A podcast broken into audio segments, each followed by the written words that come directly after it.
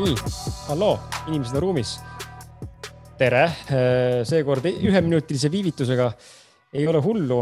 andke meile nüüd siis palun, järjest hakkab tulema siit, andke meile palun teada siis selles chati aknas, kuidas on heli täna ja, ja kas sa kuuled mind, kas sa näed meid ja, ja kuidas tundub, et see asi siin jooksma hakkab, ega. kuidas valgus on? kuidas meeleolu on? Kuidas meeleolu on ka jah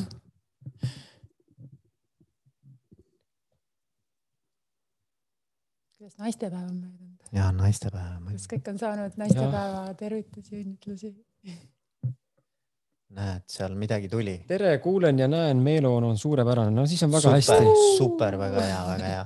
ja kui midagi hästi. vahepeal on, siis andke märku kindlasti. ja mul on läbakas siinsamas olemas, ma saan siit äh, seda asja jälgida palju ma siin tehniliselt midagi paremaks muuta saan ühe käega, ei, ei oska kohe öelda, aga ma saan küsimusi jälgida ja püüame kuidagi peale hakata, et aga ärme raiska aega, tulevad need siis, kes tulevad ja inimesed ülejäänud liituvad järgi. praegu on meil mõnus väike kaheksane seltskond. see tähendab siis seda, et saab tulla väga selline mõnus privaatne vestlus. väga intiimne. väga intiimne ja, ja millal, millal veel on saanud äh, inimesed võimaluse Karoliiniga nii-öelda siis peaaegu et üks-ühele vestelda. absoluutselt nii et anname aga tuld. Ehm, Veiko, mis sa tahad sissejuhatuseks öelda veel peale selle, et head naistepäeva sulle ka, Veiko ja siis äh, Karoli sulle ja. Kris, sulle, sulle. Teile kõigepealt. ja kõigepealt muidugi meie kuulajatele, kõigile kuulajatele, need, kes kuulavad ja need, kes võib-olla ei kuule ka, kõigile soovime head naistepäeva. aga põnev, vaata, see on äh, tänane teema on siis seksuaalsus ja sensuaalsus igapäevaelus ähm, kui me seda Krisiga kokku panime, siis me siin ja Karoliini ka muidugi aga siis ähm, see on niisugune teema nagu, mida algselt mõtled, et ohohoo, et mida kõike räägiks, aga siis hakkad nagu kuidagimoodi küsimusi kõrja panema, siis, äh, siis vaatad, et tegelikult on niisugune teema, mis äh, võib ükskõik kuhu viia, et nagu ei teagi, mina ka ei tea, kuhu see tänane meie jutt välja jõuab, et äh, ma olen väga põnevid igal juhul. ja minu jaoks on ka Karoliiniga kokkupuutumine esimene kord. nii et väga-väga armas. ja, ja Karolin käis äh, minul äh, ausalt mehe podcast'is, ma arvan, et üks väga jämedalt öelduna, no ütleme peaaegu et aasta tagasi äkki või midagi taolist mm, -hmm. et äh, kui on huvi, siis te võite minna seda kuulama ka, et seal me mingeid teemasid samamoodi puudutasime, aga tänane on ülesehitus kindlasti natuke teistsugune ja, ja, ja võib-olla mõneti isegi natuke põhjalikum mm. -hmm. ja meil on aega, meil on ju kaks, kaks pool tundi aega wow.. nii et. saame äh, minna sügavuti, intiimselt ja sügavuti. absoluutselt, me saame kõike teha. Ja, ja tegelikult äh, siinkohal kutsukski kõiki üles, et osalema, et võtke aktiivselt osa, andke kommentaaridest chatis teada äh,, mida te tahaksite küsida. Ja, ja siis me saame jooksvalt kohe võtta sealt küsimusi ka. Ja, ja tegelikult ma ei tea, kas meil see võimekus vist on ka olemas, kui keegi väga rääkida tahab, saame võib-olla isegi lasta rääkida teoreetiliselt äh, ja, mul on telefon küll maas seal, aga me saame mõelda selle peale, et meil saab helistada, et see üks variant on ka olemas. aga, aga Zoom'is ka, et tegelikult me saame lasta lihtsalt inimesel äh, ju unmute ida ja põhimõtteliselt saab küsida. põhimõtteliselt küll jah, saab ka nii teha jah. on ju. nii et olge aktiivsed, teie teete samamoodi nagu meie selle, selle tänase vestluse, nii et äh, mida rohkem olete kaasas, seda rohkem saate. jah aga paneme rullima siis. tänane, tänane pealkiri oli siis seksuaalsus ja äh, sensuaalsus või? sensuaalsus. igapäevaelus. igapäevaelus, igapäevaelus, mis see nüüd tähendab siis äh,? ega ma ka täpselt ei tea, see rullib meil täna lahti siin. ma võin öelda, miks mulle tundus see igapäevaelus äh, hästi tähtis oli see, et muidu võib sellest väga abstraktselt hakata rääkima, vaata, et, et põhimõtteliselt võime nagu arutleda selle üle niimoodi, et me ei räägigi sellest, et räägime ainult nagu väga siukestes ilukirjanduslikes terminites roosamanna siukse vahuna, aga igapäevaelus noh, et, et tegelikult need on ju teemad, mis meil on iga päev ja absoluutselt. Kindlasti see igapäevaelu on hästi hea lisa sinna, et, et samamoodi mina või noh, üldse sellised seksuaalsed teooriad, kui me vaatame idameedia seksuaalseid teooriaid, räägivad nii ilusa teooria kokku, kuidas see meie elu allikas ja, ja kui sa seda potentsiaali kasutad ja kuidas sa suunad ja, ja mis selle kõik teha saab ja ära valgustada, aga, aga lõppkokkuvõttes meil ongi, eks ju, sellised stressis igapäevaelud, suhteteemad sealjuures, koroona teemad juures, eks ju, ja, või tervisehädad juures, et, kuidas ma siis ikkagi saaksin Äh, rahuldust pakkuvat seksuaalelu elada, et see on ikkagi enamuse inimeste põhimure ja, ja mul endal ka loomulikult kogu aeg on väljakutsed ja jälle see nuputamine, ahaa, et kuidas ma nüüd lahendan selle seksuaalse aspekti just oma partneriga siin ja praegu kõiki neid faktoreid, mis häirivad nagu arvesse võttes mm. -hmm. ja see sensuaalsus, see, see on nagu, no vot, see tuli mul tegelikult läbi selle, et et see on minu arust nagu seksuaalsusega hästi seotud, aga samas on niisugune sõna, millele ei oska nagu täppi, näppu peale panna, on ju, et, et kuidagi nagu väga sihuke mm, jällegi nagu kuidagi kaob ära nagu näppude vahelt, et tahaks nagu kuidagi aru saada, mis asi see on. ja mulle tundub sensuaalsus selles mõttes nagu võib-olla isegi igapäevasem, et see on midagi, mis on meie käitumises ja olemises ja väljaütlemises nagu kogu aeg. Eks mm. seksuaalsus võib-olla ka onju, ma ei tea, aga mulle tundub, sensuaalsus on midagi nagu siukest nagu noh, nagu äh, veelgi rohkem nagu meie ole, olemisega või olekuga seotud no see kindlasti oleneb just sellest definitsioonist, et äh, mina tegelen ka joogaga ja sealt võib-olla jooga terminitest tulles, siis äh, kui me räägime näiteks, võtame lihtsustatult esialgu naise puhul, et kui me räägime naise seksuaalsusest, siis ta pigem võib-olla ongi seotud äh, noh, kõige otsesemalt, kui me räägime genitaalidest ehk siis tupe märjaks minemisega ja et seal sa tunneksid seda nii-öelda märgumist ja erutust. samas sensuaalsus nagu sealt äh, filosoofiast või sealt definitsioonist tuleks, oleks midagi seotud südamega.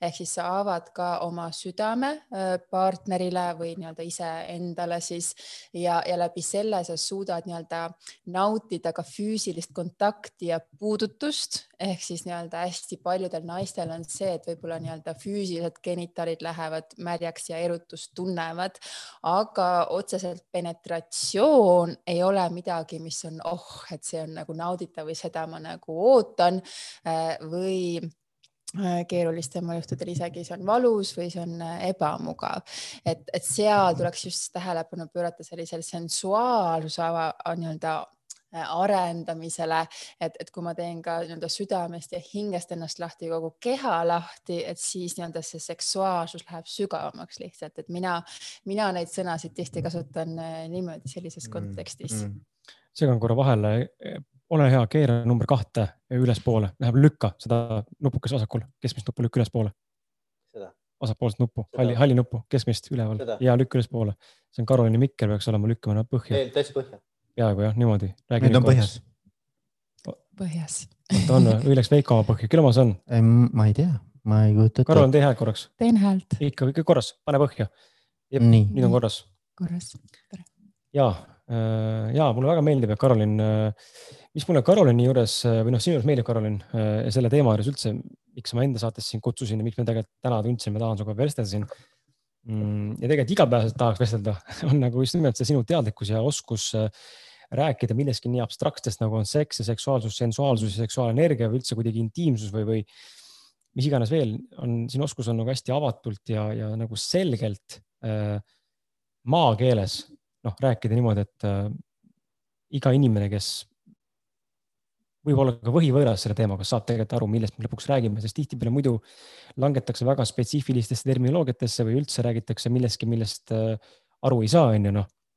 Äh, siis on nagu väga raske hoomata, kui keegi meil siin esoteerilises, toon alati näiteid, et kui esoteerilises valdkonnas inimesed räägivad, ma ei tea, süva, südame kovalentsete väljatavamisest, noh siis ma tahaks teada saada, millest te räägite, ma ei saa nagu aru, mis see tähendab, onju. ja kui sa ei oska seletada ka, lihtsalt paned sõnu ritta, siis see ei ütle mitte midagi mulle, onju. et ma võin ka mingit, inglise keeles on hea sõna, gibberish onju, või nagu mingit suvalist teksti kokku ajada, terminitega jääda väga targa mulje, onju.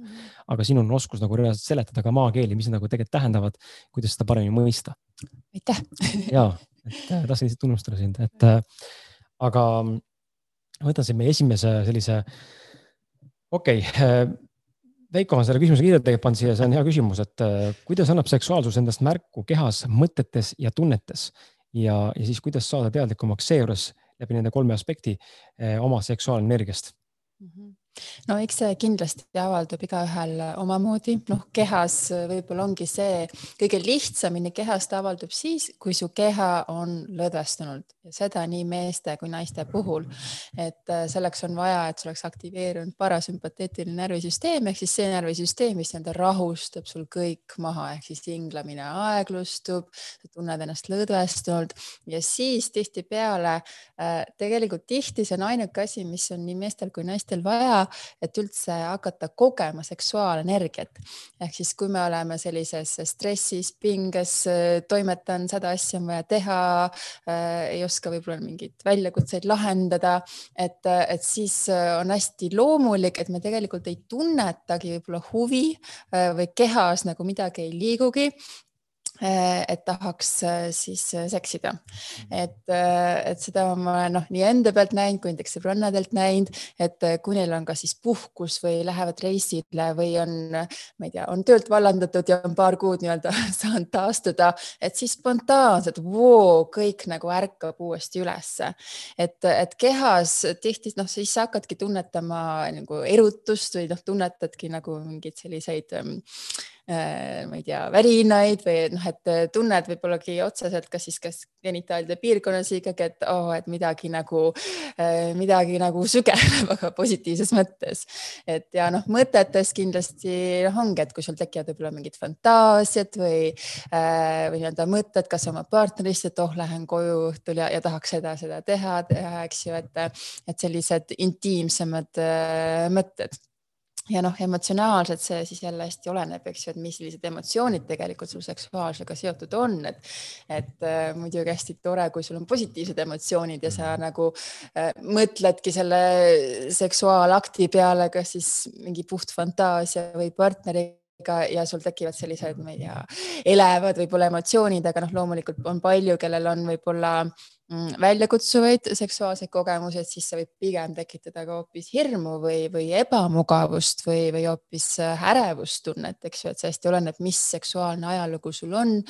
Ähm, et äh, mis, mis tundeid ja emotsioone ta sul nagu tekitab, et selles mõttes see on kindlasti hästi-hästi individuaalne, kuidas keegi seda kogeb. Ma hüppan siia korra vahele sellesama teemaga ähm, millest me siin enne, kui me salvestama hakkasime, korraks rääkisime, tõin see nagu näite meeste peenis eh, on siis mehaaniline justkui onju, et lihtsalt vahepeal lihtsalt erutub, eh, eriti nooremas, nooremas eas onju. noh, ka minul täna onju, ma ei ole ka mingisugune väga noor, aga kohe kolmkümmend onju. Aga on, et on nagu mingi periood ja mingeid hetki, kus sa mõtled nagu, et oot, aga miks ma nagu kõva lambistan või nagu, mis toimub, täitsa suvalised aegadel onju. ja siis teistpidi mind paneb imestama see, et noh, sa vaidlesid vastu mingil määral, aga ma tahaks, et räägiksid sel teemal, et et miks see on nagu müüt, eks ole, et mehed on rohkem nagu nii-öelda siis uh, sex driven on inglise keeles lause, ehk siis kuidas eesti keeles on seks uh, noh, sellest nagu innust, ma ei tea. huvitatud, huvitatud või kuidagi nagu. sellest kannustatud või ja. sellest viidud või, või joondud, ma ei tea. rohkem valmis kohe või nagu kohe mm -hmm. valmis tegutsema, onju, et mm -hmm. aga tegelikult noh, see ei pruugi vastata tõele, aga, aga mulle ikkagi tundub, et, et mehed on kuidagi lihtsamini võimelised ennast niimoodi nagu switch ima sellele lainele, et nüüd on seksuaalse mhm. akti aeg mm. -hmm. no meestel ongi lihtsam eristada erinevaid asju üldse, et näiteks ükskõik milline, et sul oli päev, sul olid päevategevused ja siis sa lähed koju, noh, sul on näiteks naine ja sa võtad ja siis sa seksid ja, ja see on nagu täitsa eraldiseisev tegevus sellest, mis, mis sul päeval võib-olla toimus, võib-olla töö juures. aga, aga naistele see kõik on nii-öelda üks ja sama asi, ehk siis elu nii-öelda vool ja seks nii-öelda läheb sinna sisse. ehk siis näiteks ütleme, sa seksisid partneriga, ma ei tea, pühapäeval seksisid, eks ju. näiteks mehena sa lõpetasid võib-olla tema jaoks liiga kiiresti, ta võib-olla ei saanud sellest sügavat rahuldust ja siis ülejäänud nädal, ma ei tea, teil on nii kiire töö juures lapsed mis iganes ja, ja te ei jõua nii-öelda vahekorrani ja jõuate uuesti nädalavahetusse. kõik see periood on naise jaoks olnud eelmäng. Ehk siis mees jõuab uuesti võib-olla pühapäevani, ahah, nüüd ma saan nagu seksida, häälestan selle lainele, aga naise jaoks kõik see eelnev oli eelmäng. Ehk siis ähm, seetõttu võib-olla jah, nagu mehel on nagu lihtsam nagu äh, ahah, nüüd on seks, nüüd ma seksin äh,. ja noh, võib-olla ka bioloogiliselt, eks ju, seda on hästi palju argumenteeritud, eks ju, et kuna äh, noh, et, et mees nagu evolutsiooniliselt nii-öelda saaks võimalikult palju lapsi viljastada, siis see tuleb talle kasuks, kui ta hästi paljude naistega kõigile nii-öelda kõik ära viljastab ja naisel seda võimekust justkui äh, ei ole tegelikult teadus näitab meile vastupidist, sest naised on seksuaalsemalt äh, mõnes mõttes mm, äh, aktiivsemad või isegi nagu rohkem valmis seksiks äh, oma nii-öelda bioloogialt. aga noh, mis tuleb, mina arvan pigem nagu ajaloost, kultuurist on see, et naise nauding kui selline on mingi, see on, see on täiesti uus fenomen meie ühiskonnas et äh, sajandeid äh, seks ei pidanud naisel üldse nauditav olema või noh, see kontseptsioon puudus nagu naise seksuaalsusest, naine oli selleks, et saaks nii-öelda selle esimese poja nii-öelda mehel, eks ju. ja, ja kuna see ei olnud üldse prioriteet, siis sellele ei pööratud tähelepanu äh, ja hästi palju see seksuaalsus võib-olla muutus selliseks väga meesenergia seksuaalsuseks, mis ei ole kuidagi halb, mis on ka väga kihvt, seal on nii-öelda omad plussid kindlasti. Ähm, aga siis on selline nagu naiselik seksuaalsus hästi võib-olla tahaplaanile jäänud ja kuna naise naudingust ei ole räägitud, siis väga palju naisi ei naudi äh, seksuaalsust või nad ei naudi seda nii palju, et nad seda kogu aeg tahaksid ehk siis, kui sa midagi väga naudid, siis sa loomulikult tahad kogu aeg rohkem. aga kui see on nagu selline noh, okei okay,, teen ära enam-vähem, et noh, et miks sa siis seda tahaksid nagu hästi palju kogu aeg ja sa ei olegi selleks häälestunud. et äh, minul näiteks kursusel käib ka suhteliselt harva juhtub selliseid naisi, aga on naisi, kelle probleem on vastupidine, et äh, nemad on seksuaalselt nii avatud ja tahaks kogu aeg seksida, aga mees ei jõua järgi või ei jõua nagu tempot pidada saada.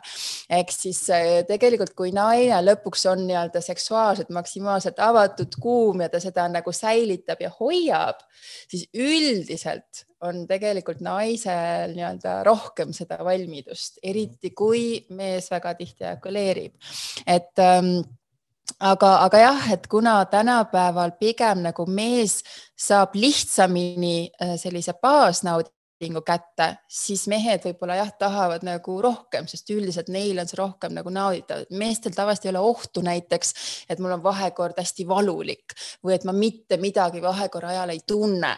et äh, loomulikult on meestel ka, eks ju, erektsiooniprobleeme ja, ja, ja muid väljakutseid, aga, aga jah, et klassikaliselt mehel vähemalt nii-öelda seda valuohtu ei ole, aga naistel väga palju on see, et ahah, mees siseneb, mul on valus või mees siseneb, ma ei tunne mitte midagi, kui ta siseneb tugev. ja sealt võib ka olla ka see, et miks meestel mõnes mõttes võib-olla on lihtsam või, või nad on kergemini valmis kogu aeg siis ähm, äh, seksuaalaktiks siis nagu poolnaljaga tekib siin tahtmine küsida siis või noh, selles mõttes nagu tahab, tekib see vastutus või tahtmine vastust ära anda, et kui naine, kui naine ei ole mehelt äh, saanud siis ütleme piisavalt head seksi, oletame, siis mhm. tekivad seda Eh, siis ei ole ka tahtmist, onju. tahtmine tekib mm -hmm. siis, vajadus tekib siis, kui sa saad pidevalt midagi head, siis miks peaks mitte tahtma head, onju. aga, aga, aga on ju ka mehed-naised, kellel on võib-olla madalam äh, nii-öelda drive, nagu madalam tung ja, ja kindlasti on ka seda, et on erinevad, ongi erinevad seksuaalvajadused, erinevad seksuaal siis äh, äh, nii-öelda, kes üks tahab, ma ei tea, iga päev, teine tahab kolm korda nädalas, aga siis ongi küsimus, aga miks sa tahad kolm korda nädalas, miks sa ei taha iga päev, eks ju, et ähm, erinevused on, neid on võimalik nagu kindlasti ka äh, kokku, kokku tuua või siis kuidagi ütleme äh, sobitada siis, aga, aga jah, et äh, kuidas ma ütlen, noh, minu jaoks ma ei annaks vastutust ainult mehele, et, et on ka, eks ju, väga võimekaid, kihvte mehi, kes tõesti pakuvad ja annavad endast kõik, et, et naisel oleks hea, aga kui naine ikkagi ka ise ennast täitsa lukus hoiab hästi kinni paneb või nagu enda kehaga tööd ei tee, võib-olla, et, et temal siis see nauding voolaks.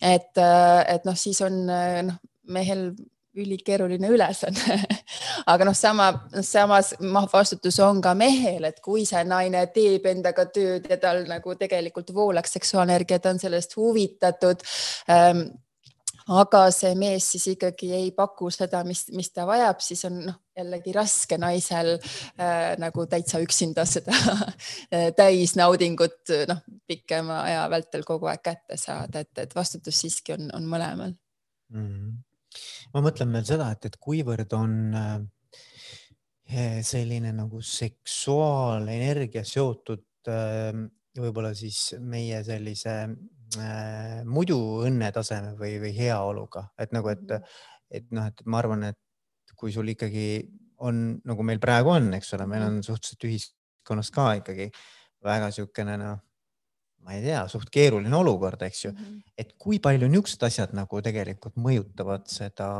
seksuaalsust ja selle avaldumist ja oled sa seda, oled sa sellega kokku puutunud? Ja ei no kindlasti nagu ütleme, mida tundlikum sa oled ja üldiselt võib-olla naised oma energeetikalt on vastuvõtlikumad, ehk siis jah, praeguse olukorraga ütleme, on ütleme stressiolukord maailmas, mis ta tegelikult on, noh, seda võib, see on hoopis teine teema, aga fakt on, et on hästi palju stressi ja pinget selle ümber, eks.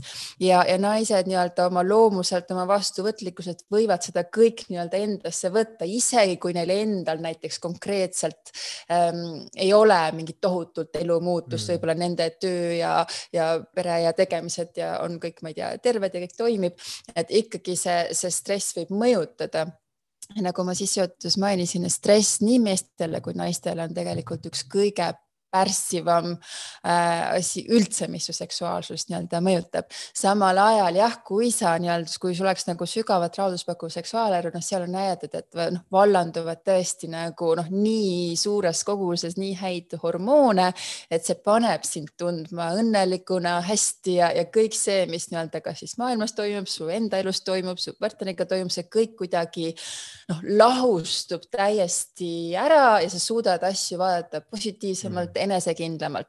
samas on oluline öelda, eh, et ähm, et äh, minu kogemusest ja teatud teooriate järgi see hästi ikkagi oleneb ka sellisest nii-öelda ähm, äh, seksuaalsest kogemusest või orgasmist, mida sa saad, sest on ka selliseid vahekordi, eks ju, kus see seks võib-olla iseenesest oli okei okay,, ta oli nauditav, sa saad ka teatud orgasmi ära, aga pärast sul on nagu, nagu kerge depressioon või sihuke kurbus või frustratsioon, et, seda nimetatakse sihukest inglise keeles sexual blues, et on sihuke mm. natuke madalam meeleolu.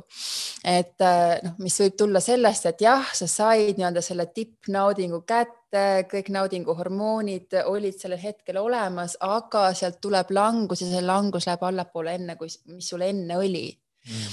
et seetõttu on hästi palju idamaadest tulnud just seda ähm, noh, tarkust, siis ma ütleks, et me hoiaksime seda energiat enda sees, mis justkui võib-olla ka hoiaks neid hormoone ka tasakaalukamalt, et ma saan jah, selle naudingu ja hea tunde, naudingu ja hea tunde, aga ma ei kuku sealt nagu alla, vaid ma mm. suhteliselt äh, noh, hästi nii-öelda hõljun selles mingi periood edasi, siis olen justkui võib-olla oma tavatasandil ja siis jällegi oleks väga hea võib-olla uuesti nii-öelda seda rahuldust pakkuvat seksuaalelu kogeda, et saaks jälle sellise positiivsuse süsti mm., et, ähm, et, et jah, et on niimoodi üksteist nagu hästi-hästi mõjutavad, samas muidugi, kui sul on stress, on raske nii-öelda seksida et aga samas, kui sa seksid, siis see on kõige parem stressi maandaja. et see võib olla ka vastupidi, eks ole, et, et tegelikult selleks, et saada selle olemasoleva olukorraga nagu paremini hakkama, peakski rohkem seksima jah, kui seks on nauditav ja rahuldust pakkuv. aga kas sa seda ka usud, Karolin, et, et vaata, et kui sa hakkad ühel hetkel seksima, isegi kui alguses tunnet on ju, sa mhm. hakkad nagu liikuma sinnapoole, siis mm -hmm. ühel hetkel muutub see nauditavaks et nagu, et algus on nagu raske vaata, et sa saad mingisuguse kivi tagant minema ja siis ühel hetkel nagu ja, ja et, et seal on jah, seal on kaks eri asja, et seda kindlasti äh, noh, eriti naiste puhul öeldakse, et, et noh, et see on normaalne, kui sul ei olegi sellist spontaanset iha. Mm., et iha ja erutus on tegelikult kaks eri faktorit.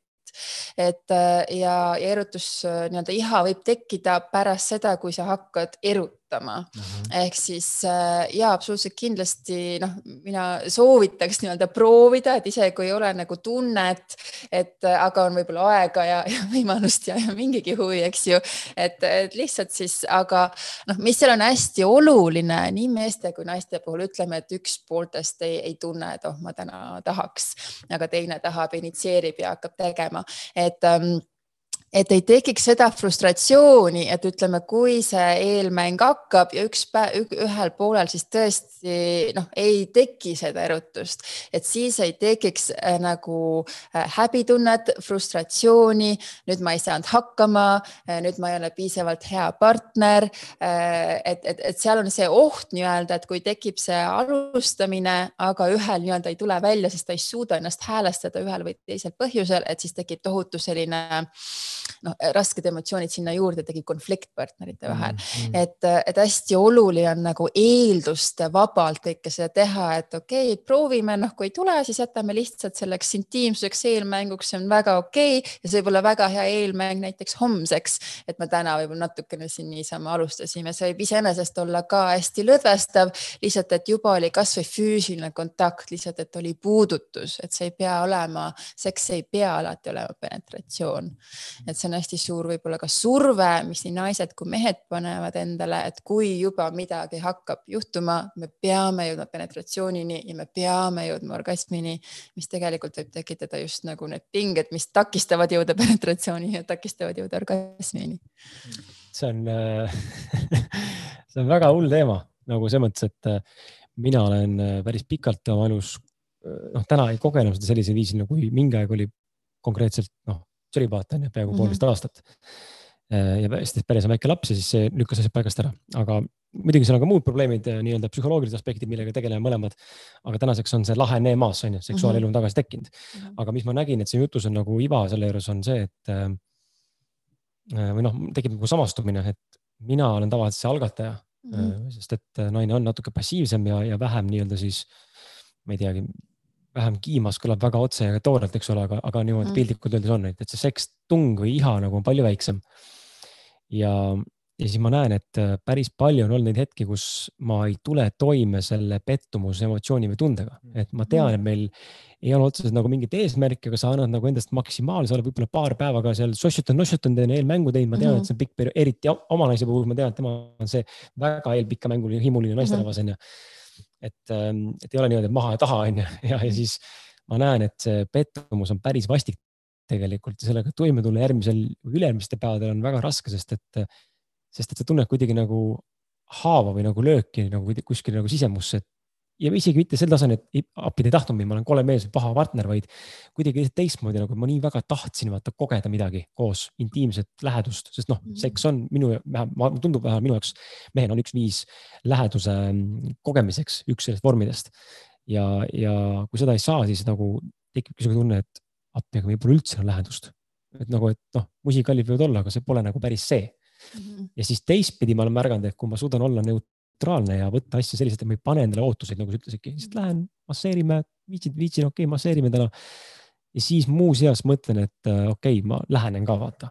kuigi tagataustal alati on tegelikult see mõte, et võiks, aga mm. ma suudan mingi hetk nagu kuidagi eristada seda, et ma võtan nagu selle ootuse maha ja siis, ja siis tihtipeale juhtubki see, et õnnestub midagi nagu teha seksuaalselt mm, -hmm. intiimselt mm. -hmm. nii et see on hästi huvitav, et nii kui võtad selle pinge naisel maha, et äh, ta ei pea mõtlema selle peale, et appi äkki tahab penetratsiooni täna saada, onju, umbes nii mm. -hmm. vaid lihtsalt lased tal olla, pakud talle naudingut, massaaži, mis iganes veel, lähedust, tähelepanu, siis ta nagu avaneb ja võib-olla tahab, tahab ka ise hoopis nagu rohkem mm. -hmm ja ei, see, see eeldus on tohutult keeruline teema, et ma olen ise sellega hästi palju ka maadelnud et äh, kuna minu jaoks ka kunagi penetratsioon oli pigem nagu ebamugav ja noh, mingi hetk ma nii-öelda sain sellega juba hakkama ja oskasin seda vastu võtta ja nautida, aga kogu aeg jäi see nagu pinge, oh, ma pean seda pakkuma, pean nüüd valmis olema äh, ja ma panin nagu ise endale kogu aeg seda pinget peale, aga kui sa ise paned kogu aeg seda pinget peale, siis see on tegelikult see, mis täiesti pärsib sul nii-öelda noh, naisel tupele avanemist ja tegelikult see on täpselt sama protsess mehel, et kui mehel on nii-öelda see hirm et oo, ma pean penetreerima, see tähendab, peab nagu kiiresti kõvaks minema või kui mul kõvaks läks, äh, siis äh, no, enne jah, et ma pean jõudma penetratsiooni enne, kui ta läheb äh, lõdvaks ja, ja siis nii-öelda see eelduspinge on, on peal, et, et, et seal nagu hästi aitab, noh, mina ütleks hästi otsene verbaalne kommunikatsioon, et isegi kui sa oma peas mõtled, et see on okei okay,, et mõlemad partnerid kommunikeeriks, ehk siis mees ütleks et, et see on okei okay,, et, et ma ei pea sisenema ja naine ütleks, et noh, et see on okei okay,, kui sul on pehme, et, et, et, et, et mõlemad nagu hästi sügavalt aktsepteeriks üksteist, üksteise rütme ja, ja tegelikult sealt tulebki see, kus see asi nagu muutubki, noh, tihtipeale see on ainuke, mis on vaja, et kõik hakkakski spontaanselt voolama aga seda jah, oma peast nagu ära saada, et see nõuab äh, tööd, see nõuab sellist noh, enda noh, mega meelekontrolli, võimekust seal hetkes olla, mitte lasta ennast minna nii-öelda jälle muretsema, vaid lihtsalt nautidagi seda, ma olen siin, ma olen praegu, juhtub see, mis mm. juhtub, eks ju. kui ei juhtu, see on okei okay,, kui juhtub, see on okei okay et äh, selle kohalolu äh, treenimist on nagu hästi vaja, et äh, noh, meie meel on selline, kes paneb, eks ju, igale poole, et selleks noh, jooga, meditatsioon, sellised praktikad tegelikult on hästi olulised, et me suudaks mm. nagu seksuaalsus olla kohal siin ja praegu ja hetkes, sealt tuleb see nauding mulle tundub, et üks eh, nagu küsimus on ka, mida nagu küsida üksteist, mida sa praegu vajad või mida sa tahad nagu, et mis, mis sulle praegu meeldiks. Et mhm. kuidagi see võtab ka nagu maha selle, et, et sa pead nagu arvama. Vaata, et nagu mõnikord on see, et sa nagu, nagu arvad, mida teine tahab või et oot-oot-oot, mis, mis ma ise tahan, et kas tema saab aru, mida ma tahan et ühesõnaga mm. see rääkimine natukene ka, et see võib tunduda imelik natukene, vaata, see peaks mhm. käima kuidagi niimoodi orgaan, vähemalt nagu mulje on, et see kõik peaks nagu orgaaniliselt toimuma mm., et me ei peagi ju rääkima, me saame ju aru kohe, ükskõik kuidas see asi käib, onju. aga, aga mulle tundub, et rääkimine on nagu ülioluline mm, -hmm. nagu, et see võtab ka pinge maha sest et sellisel juhul saab teine öelda, et mida ta tahab mm. -hmm. kui ta ei taha, tahab ainult näiteks, et ongi, ma ei tea, masseerimine või, või mis iganes see rituaal on, on ju mm, -hmm. siis see on okei okay. noh et selles mõttes, aga muidu on see vaata natuke niisugune nagu kassi-hiire mäng käib kogu aeg vaata mm. -hmm ja sest jah, eks me suudame oma peas ju nii palju välja mõelda, mis, mis nüüd toimub või mida partner tunneb või mida arvab. et aga jah, seal äh, rääkimine on kindlasti äh, oluline, äh, selline aus kommunikatsioon, sest tihti noh, ka noh, nii palju ma näen seda, et partneritel omavahel, see on nii piinlik teema, nad ei julge sellest nagu omavahel rääkida. Ja, ja loomulikult see võib tekitada selliseid noh, takistusi ja probleeme. Ja noh, tihti ongi, et naised inimesed ei väljenda oma rahulolematust, oma frustratsiooni sellepärast, et nad ei taha konflikti, nad ei taha, et partner võib-olla ennast halvasti tunneb, nad ei taha partneri egole kuidagi mõjuda, eks ju. Äh, nad ei taha, et suhtes probleeme tuleks, nad ei taha, et partner läheks kellegi teisega ja siis nad on pigem vait ja nagu teesklevad, et kõik on hästi. et ähm, ja, ja noh, eks ta olegi äh, keeruline ka naisele võib-olla kommunikeerida, et, et mees ei võtaks seda kriitikana, vaid ta võtaks lihtsalt sellena, et naine lihtsalt väljendab oma äh, võib-olla vajadust. ja noh, loomulikult on see ideaalne maailm, kus kaks inimest saavad kokku ja kõik on spontaanne ja noh, mina olen seda kogenud ja ma arvan, paljud inimesed on ka kogenud, aga noh, mina olen ka väga noh, oluliselt rohkem kogenud seda seda, et kaks inimest saavad kokku ja mõlemad räägivad eri keeltes et ongi, üks räägib hiina keelt, teine räägib eesti keelt ja noh, see ei tähenda, et ühel on vale või halb keel ja kui ma ütlen, kuule, sa räägid hiina keelt, ma ei saa aru, noh, see ei ole kriitika ta vastu, eks ju. et, et siis ongi vaja leida see nagu ühine keel ja seal tihtipeale noh, aitavad sõnad ja aitab nagu verbaalne kommunikatsioon. noh, mida saab teha kindlasti on jällegi noh, treenida täpselt sama, mis me enne rääkisime, kohalolu ja tohutut tähelepanu, et sa kogu aeg märkad oma partnerit et sa ei noh, ei, ei nagu ei lasku võib-olla niivõrd enda naudingusse, vaid noh, näiteks mehena nagu sa vaatadki, et sa teed mingi liigutuse, vaatad, kuidas ta reageerib, vaatad, kuidas naine hingas, kas ta nagu tõmbus pigem natuke nagu noh, kraadi võrra kokkupoole mm -hmm. või ta hingas no, hetke nagu sügavamalt ja see liigutus talle sobis ja siis sa teed nii-öelda järgmise liigutuse ja märkad, kas see läks nagu ühtepidi või teistpidi. et, et siis saab ka mitteverbaalselt hästi palju ära teha kui sul nagu on hästi hea kohalolu, hästi hea tähelepanu, sa nagu noh, vaatad kogu aeg, et, et kuhu suunas ma liigun, et, et Eh, tihti jah, on see, et eh, mis seal verbaalses kommunikatsioonis võib olla, eh, juhtub see, et naine näiteks selgitab mehele ära, kallis, mulle meeldib nii, nii ja nii ja mulle meeldivad need ja need ja need ja kohad ja, ja kui sa suudled siit või paitad sealt või silitad siit või ja, või sellise jõulisusega või sellise pehmusega. Ja seletab kõik detailideni ära ja mees nagu järgib täpselt neid juhiseid, mis on talle verbaalselt kommunikeeritud ja see asi ei toimi. Mm. et, et tihti, miks ta ei toimi, on see, et tegelikult noh, mida, kui see naine on selles naisenergias, et tahab sealt läbi see hetk seksuaalsust kogeda, ta tahab, et mees juhiks ja teaks paremini kui tema ise, mida ta tahab ehk siis ma võin öelda, suudle mind kaelata, suudleb sind kaelata, aga tegelikult ma oleks nagu oodanud, et, et noh, ta nagu suudleb mind hoopis põse pealt ja ma tahtsin seda rohkem, aga ma, ma isegi ei teadnud ise, et ma seda tahan. ja, ja see on päris, see on creepy nagu selles mõttes, et seda ei ole võimalik nagu ette ära ennustada nagu, mida tegelikult nagu vaja on. et, et aga kas ei ole natuke see teema ka, et kui ta ütleb, et noh, et okei okay,, et suudle mind kaelale, onju, siis mehena, kui sa seda teed, noh, täpselt seda, mida mm -hmm. siis naine ütleb siis sul tekib endal mingi tunne sellega seoses ja sa lähed selle tunde pealt edasi. ja vot, vot see on see ilmselt, vaata kui sa ei tee, teed täpselt nagu mehaaniliselt seda, mida naine mm ütleb, ma arvan, et siis ei noh, ongi natukene nagu vähe ja, ei hästi oluline ongi see, et noh, ütleme mehele võib-olla noh, vastupidi ka muidugi, et märgata kogu aeg nagu partnerit, seda reaktsiooni ja nagu mhm. liikuda nagu selle äh,, selle pealt, sest jah, täpselt juhiste järgi teha nii-öelda ei, ei toimi, noh, loomulikult naised on muutlikud, eks ju, et nad on väga palju kõigutud hormonaaltsüklist, nad on väga palju kõigutud kõigest, ma ei tea, mis kuu seis on või noh, üldse mhm. keskkonna ühiskonnast, eks ju. ja see, mis mulle nagu ühel päeval nagu kõik täiega peale läks, et järgmine päev ma võin vajada hoopis midagi muud, eks ju, mis ongi, et noh näiteks ovulatsiooni ajal tihti äh, naised nagu tunnevad, et tahavad sellist jõulist äh, alfaisast, kes tuleb, võtab ja paneb ja, ja kui neil on nagu äh, võib-olla just Äh, nii-öelda noh, selline lapse kaotus ehk siis menstruaalverejooks, et siis on just vaja sellist hoitust, et keegi hoiab ja kallistab ja noh, hoopis teist nagu lähenemist mm. asjale või noh, oleneb ka, mis tal endal elus toimub parasjagu mm. ja, ja neid faktoreid on lihtsalt niivõrd äh, palju, et, et ongi, et kui ka su oma naine ühel päeval räägib, oh, mulle meeldib see ja siis see järgmine päev võib olla natukene teine, mis ta, mis ta vajab ja täiesti vastuoluline olla. ja, ja no ma mõtlen veel seda, et, et, et selleks, et üleüldse nagu olla heas kontaktis kellegagi, võib-olla peab nagu kõigepealt olema iseendaga väga heas kontaktis. see on hästi oluline ja see on hästi oluline, et ähm, noh, naise puhul ka ütleme, et naisel erutus tekiks äh, ei piisa, ütleme sellest, et mees teab kõiki füüsilisi punkte tema kehas tal on vaja, et ta tunneb ennast ilusana, et ta tunneb ennast atraktiivsena ja loomulikult mees saab hästi palju toetada, öeldes talle, sa oled ilus, sa oled seksikas, mulle see kehaosa meeldib, noh, otseselt välja laused korrates neid iga päev. aga noh, kui naine ikkagi ei suuda enda sees äh, mingi tasandini kasvõi aktsepteerida oma keha, oma atraktiivsust, oma ihaldusväärsust ja tal on tohutult madal enesehinnang, siis on ka väga keeruline, et see keha nagu erutuks, kui mm. ma ei, kui ma ei tunne ennast nagu atraktiivse naisena.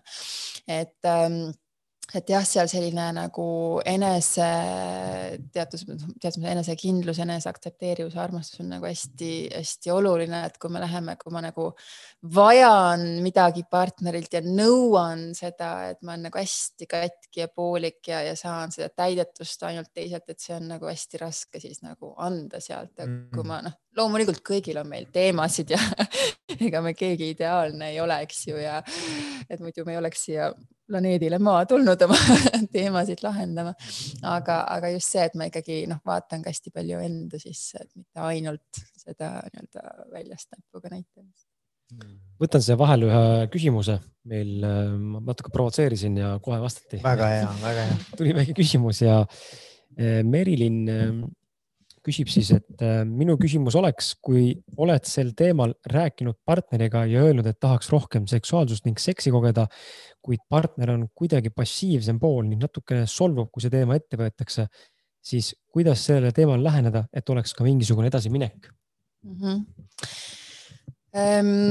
Jah, esiteks hästi võib-olla oluline on leida see hetk, kus sa näed, et, et su partner on vastuvõtlik et eh, noh, eks ju meestel ka võib-olla tuled, ma ei tea, töölt koju, oled stressis, sul on mujal mingid pinged ja, ja sa tahaks lihtsalt võib-olla lõdvestada, ma ei tea, telekat vaadata või puhata või, või trenni teha.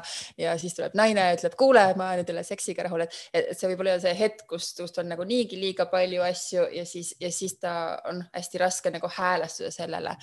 et esiteks nagu hästi noh, leida see hetk, kus, kus see mees oleks võimalikult vastuvõtlik, et, et saa saaks siis ähm, saaksid siis ennast äh, väljendada. hästi oluline on proovida mitte süüdistada, et sa räägid nagu endast, oma tunnetest. mina tunnen, et minu kehas äh, võib-olla ähm, noh, ma tahaks kogeda veel rohkem seksuaalenergiaid äh, ja, ja äkki noh, me võiks, ma ei tea, kas mingit raamatut lugeda või kuskil kursusel käia või midagi nagu katsetada omavahel, et, et, et ma tahaks nagu rohkem kogeda ja proovida nagu noh, niimoodi hästi armastavalt südamest äh, väljendada oma vajadusi eks ju, ja noh, äh, proovida, et see ei oleks, et kuule, et sa teed midagi valesti või sa võiks midagi rohkem teha ja, ja nüüd mina ei saa nagu seksuaalsust kätte nüüd, kui mees noh, ikkagi ei ole avatud, et sa kõik nii-öelda noh, rääkisid lihtsalt oma vajadusest ja proovisid tabast õiget hetke ja ikka tuleb selline, ah kuule, käigu peale oma jutuga, et kõik on nagu meil hästi ja, ja minul on nagu hästi. Ja et noh mis sa saad võib-olla naisena teha, ongi siis hakata äratama individuaalselt oma keha rohkem. Äh, noh, näiteks, mis, mis ma naiste kursustel hästi palju praktikaid ja õpetusi annan, kas siis läbi jooga, läbi vaagnapõhjalist treeningu, läbi enesemassaaži, läbi rinnamassaaži, noh, neid praktikaid on palju, erinevaid, äh, erinevad energiate liigutamised, hingamised, et ma avangi naisena siis iseseisvalt oma keha rohkem, rohkem tunnen rohkem ja hakkan ise rohkem nautima ja, ja sealt võib tulla see, et kui sina hakkad nii-öelda sügavamalt nautima, et spontaanselt sa nagu tõmbad siis ka oma energiaga selle mehe sügavamale kaasa. et mees nagu hakkab ka siis nii-öelda noh, mitte teadlikult, sa oled talle öelnud midagi, et kuule, tee nüüd teistmoodi või harjutame seda või et sa nagu noh, eh, nagu spontaanselt tõmbad ta kaasa. Või noh, lihtne on alati läheneda ka asjadele nagu mänguliselt, et jällegi mitte, et kuule, tee nüüd nii ja nii, sest ma noh, ma tahaks nagu midagi muud kogeda, aga kuule, teeme mingit mängu, et teeme noh, sellist mängu, et noh, mina olen näiteks kuninganna ja, ja sina oled minu teener. Ja, ja siis vahetame mina olen sinu teener, sina oled kuningas. Ja mina saan kõike soovida, noh, mõistlikkuse piires, eks ju.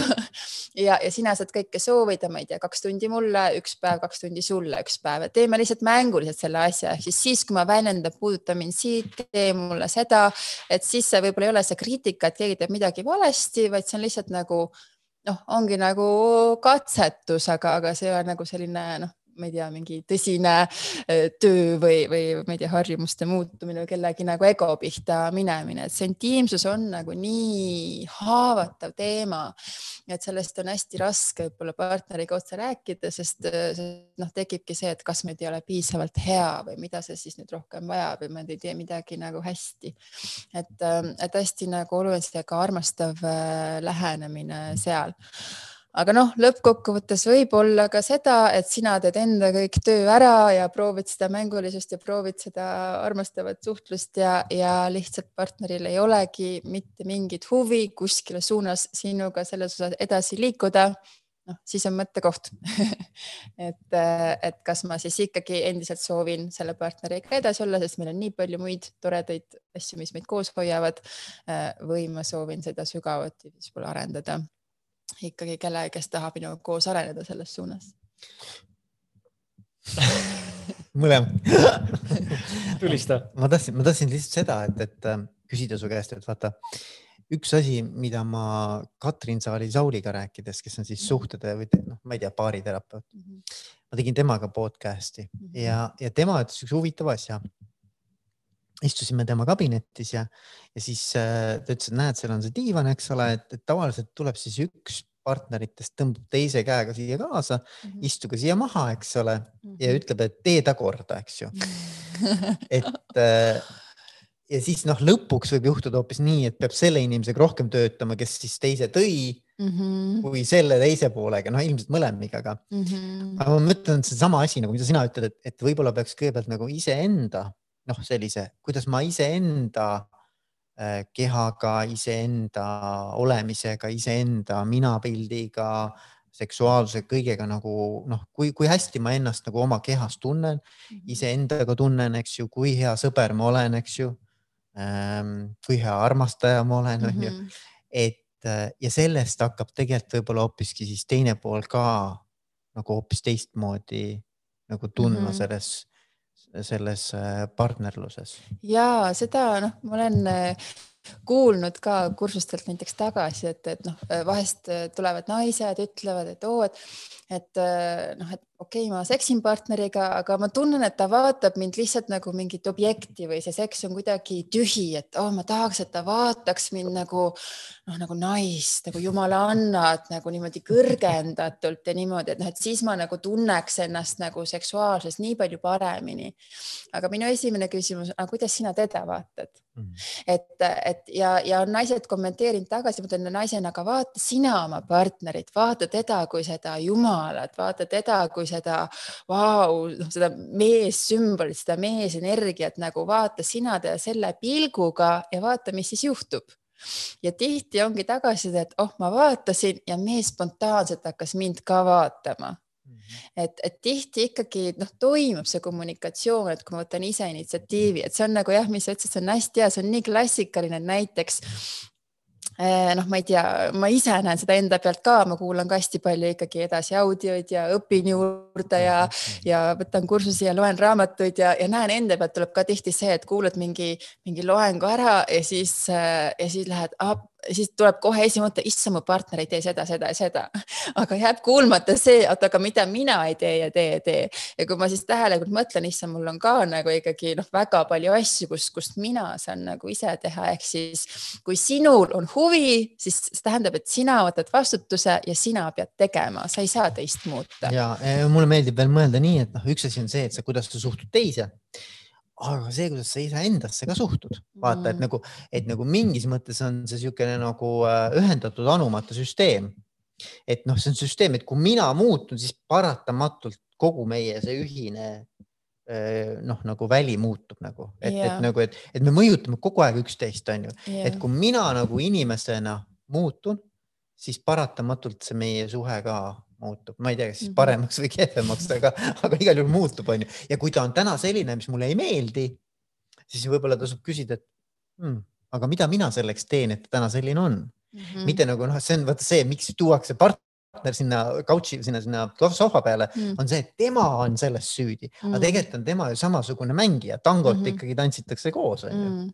no üldiselt jah, me tõmbame ikkagi suhteliselt võrdväärse partneri endaga aa, see on huvitav. et, et, et, et noh, ma ütleme, et, et kui sa, ma ei tea, su mure on see, et ma ei tea, mees on nii kinnine, ta üldse ei taha oma südant mulle avada, noh, tõenäoliselt tegelikult sa oled ikkagi ise ka nii sama palju kinni ja sa ei taha ise ka avada.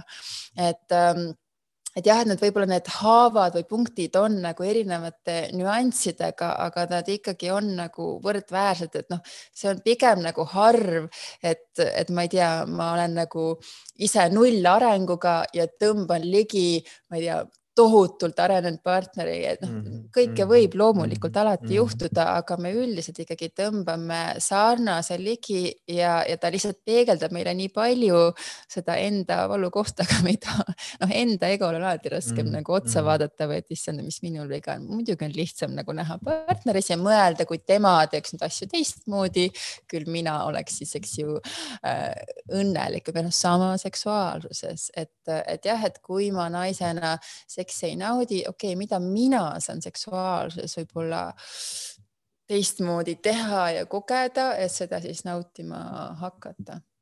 ma küsin siia, ma toon korra fookuse enda peale mm. -hmm.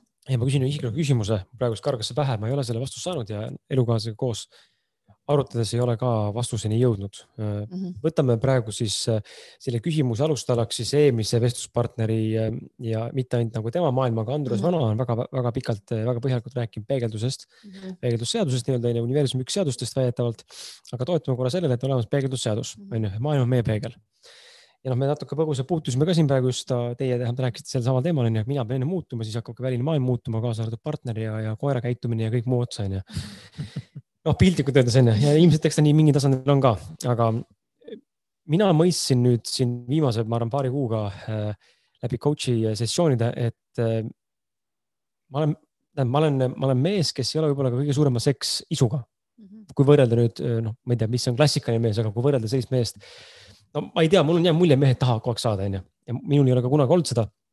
aga ma tahan saada kindlasti rohkem kui enda partner -hmm. seda ma näen nüüd, kui mina olen selle suurema sex drive'iga, siis ma näen, et minul see seksuaalne vajadus äh, seksi järele tuleneb tegelikult sellest, et ma püüan täita äh, lähedusvajadust mm, -hmm. mida ma ei anna iseendale piisavalt või ma ei saa seda mujalt või noh, piltlikult öeldes ma iseendale ei anna seda piisavalt, ma tahan seda saada seda partnerilt mm. -hmm. läbi siis seksi, mis on üks väljund, kuidas ma tunnen, et see rikastab mind siis piisavalt koguses seda anumat, seda läheduselt.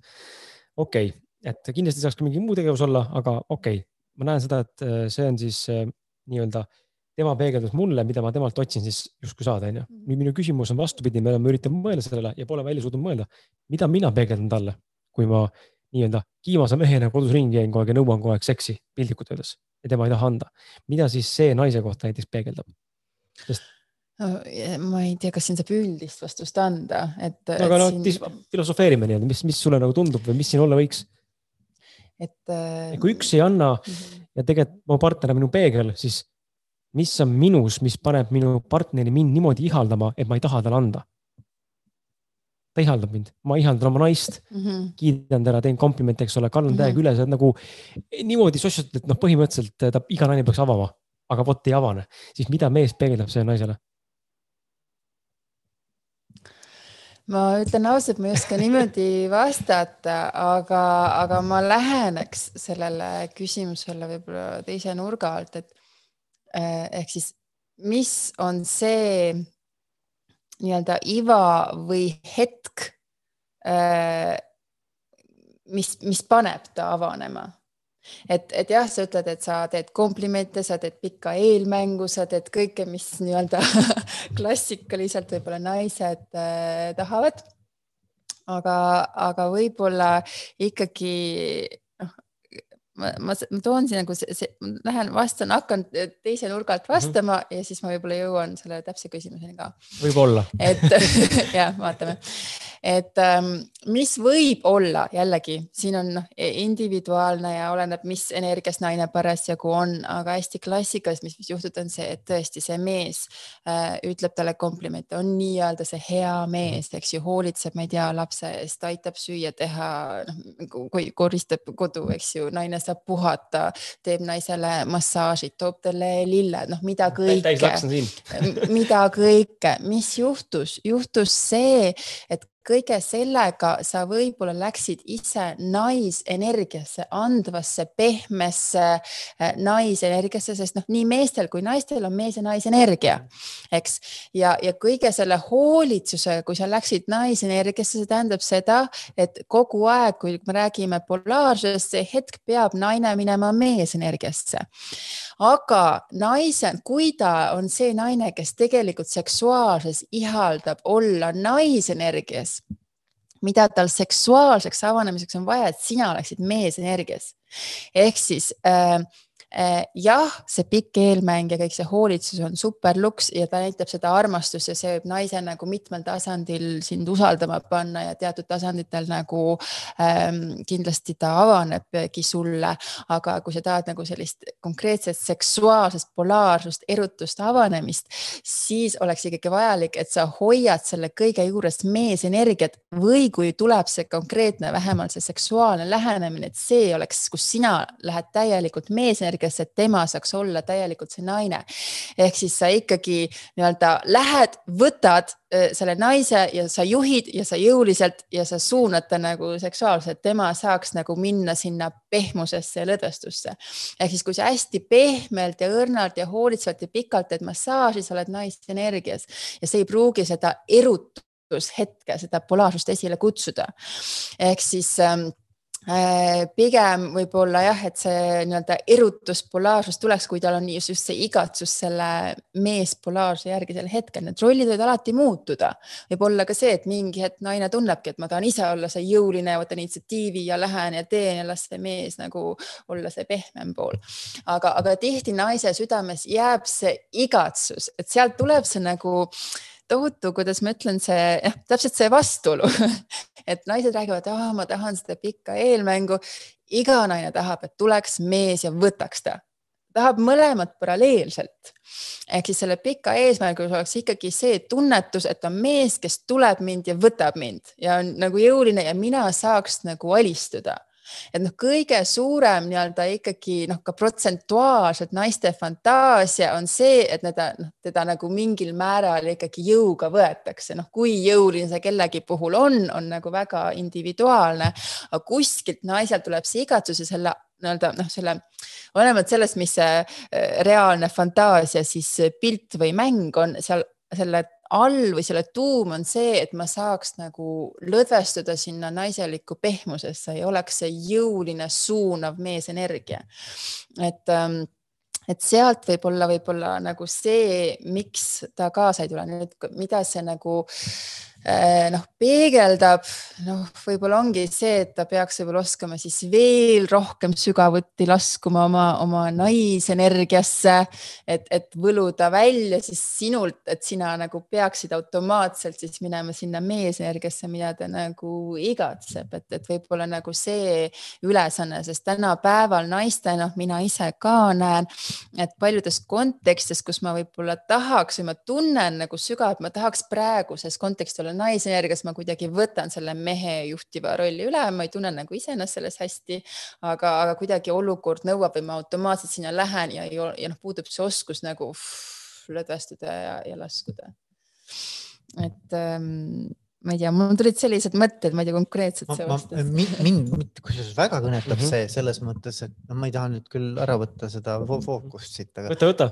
aga mind, mind kõnetas just see mõte, et, et meil on nagu polaarsused ja me nagu otsime võib-olla nagu ka alateadlikult, et see teine pool, noh, me mängime, see, see muutub, nagu sa ütlesid, mhm. muutub kogu aeg, onju. et mingil hetkel võin mina olla nii-öelda see aktiivne pool ja mingil hetkel võib olla see naine aktiivne pool.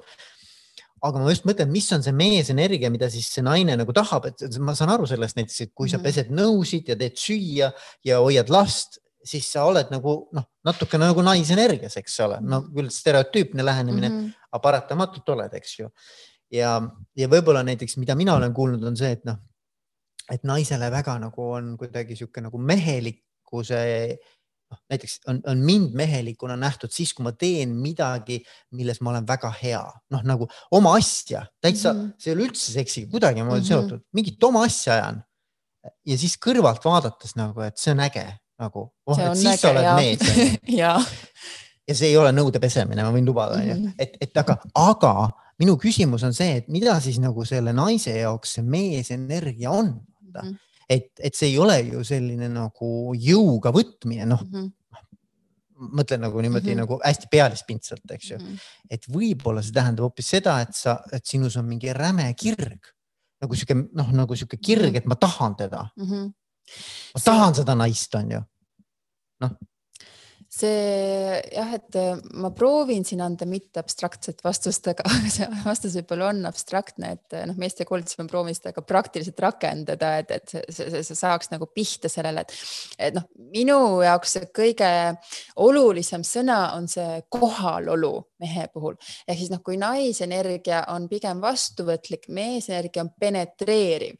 Ehk siis mees saab naist penetreerida ka lihtsalt pilguga ja naine võib sealt saada orgasmi, kui see pilk on nagu kindel, kohal, stabiilne ja suunatud ja läheb, eks ju, noh, mm. et, ähm, et ja, ja, ja siis ma võin nagu usaldada, see usaldusväärsus tihti on, on seal ka nagu see võtmesõna, et kui naine nagu usaldab meest äh, ja see mees on kohal ja ta ei lähe ise nagu kaootiliseks et, et see on nagu näitab tugevat meesenergiat, noh näiteks äh, ma ei tea, naisel on mingi emotsioon ja, ja mees võib-olla ei reageeri ka selle emotsioonile, ta jääb rahulikuks, ta jääb kohale.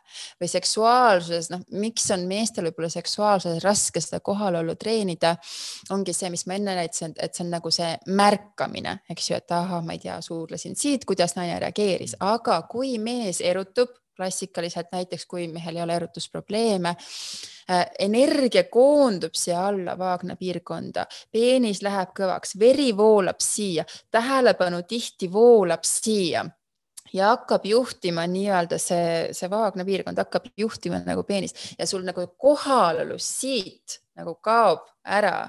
Ja sa muutud nagu mehena, noh, naise jaoks sel hetkel võib-olla kaootilisemaks, sa ei märka enam teda, tema vajadusi, sind hakkab juhtima nii-öelda peenis, sest sinul on sealt niivõrd nauditav ja, ja sa nagu projitseerid, et noh, ilmselgelt on partneril ka.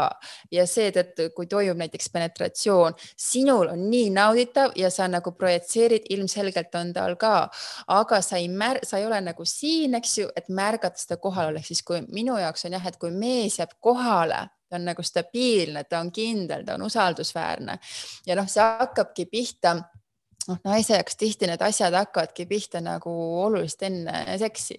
ehk siis no ma ei tea, minu jaoks näiteks no tohutult atraktiivne, kui mees ütleb midagi ja siis ta teeb ka kasvõi mingi väike asi, ma ei tea, ma tulen kell kuus ja siis ta tuleb kell kuus uksest sisse. Voo, sõna ja tegu olid kooskõlas, nagu ma võin kohe sellest erutuda. et aga, et, et või noh, või siis usaldusväärsus kaob kui ütleb, ah, ma tulen täpselt kell kuus, aga siis ta tuleb kell kaheksa, et noh, pigem ütlen, ma ei tea, mis kell ma tulen ja siis ta tuleb mingi hetk, aga sõna ja tegu olid kooskõlas, eks. et, et noh, minu jaoks nagu sealt näiteks hakkab see usaldusväärsus pihta, mis mõjutab otseselt juba ka nagu seksuaalelu.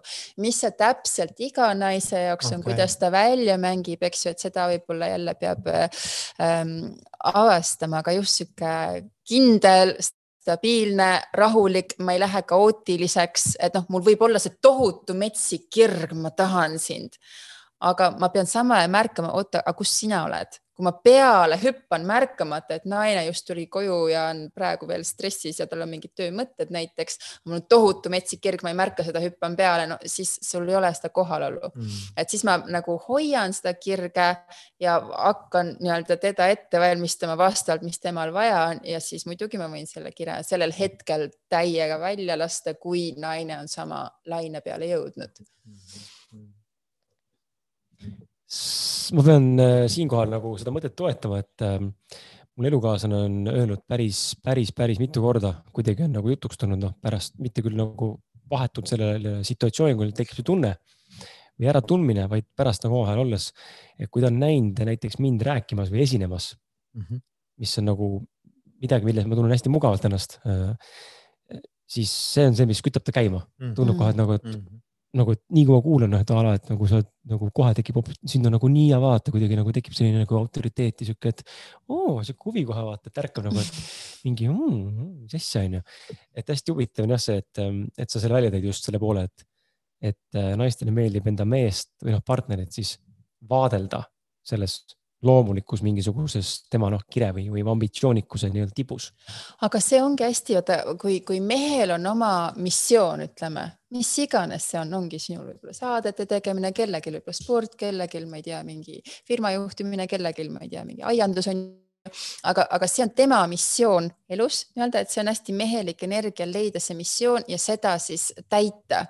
ja siis sa oledki tegelikult kontaktis või ühenduses oma selle meesväega ja see ongi nii-öelda naise jaoks hästi atraktiivne. Mm.. et kui mees on nagu see, et noh, istub diivanil, issand, ma ei tea, mis ma elult tahan ja kuidas ma nüüd ma ei tea, mis tööd ma tahaks teha, ma nüüd unistan siin sellest, unistan tollest, aga ma tegelikult ei tea, kus suunas ma liikuda tahaks. et noh, see on nagu hästi ebaatraktiivne, et ongi, et kui sul on noh, see, see ei ole oluline, mis asi see on, see ei ole see, et sa pead olema mingi, ma ei tea, tippfirma mingi tohutu juht, eks ju, et, et see peab olemagi, see on sinu missioon, see on sinu tegevus, see ja sa lähed seda teed ja et, et sul on nagu see olemas, et siis sa oled tegelikult ise mehena meesjärgene kontaktis ja seda nagu naine tunnetab ja hindab.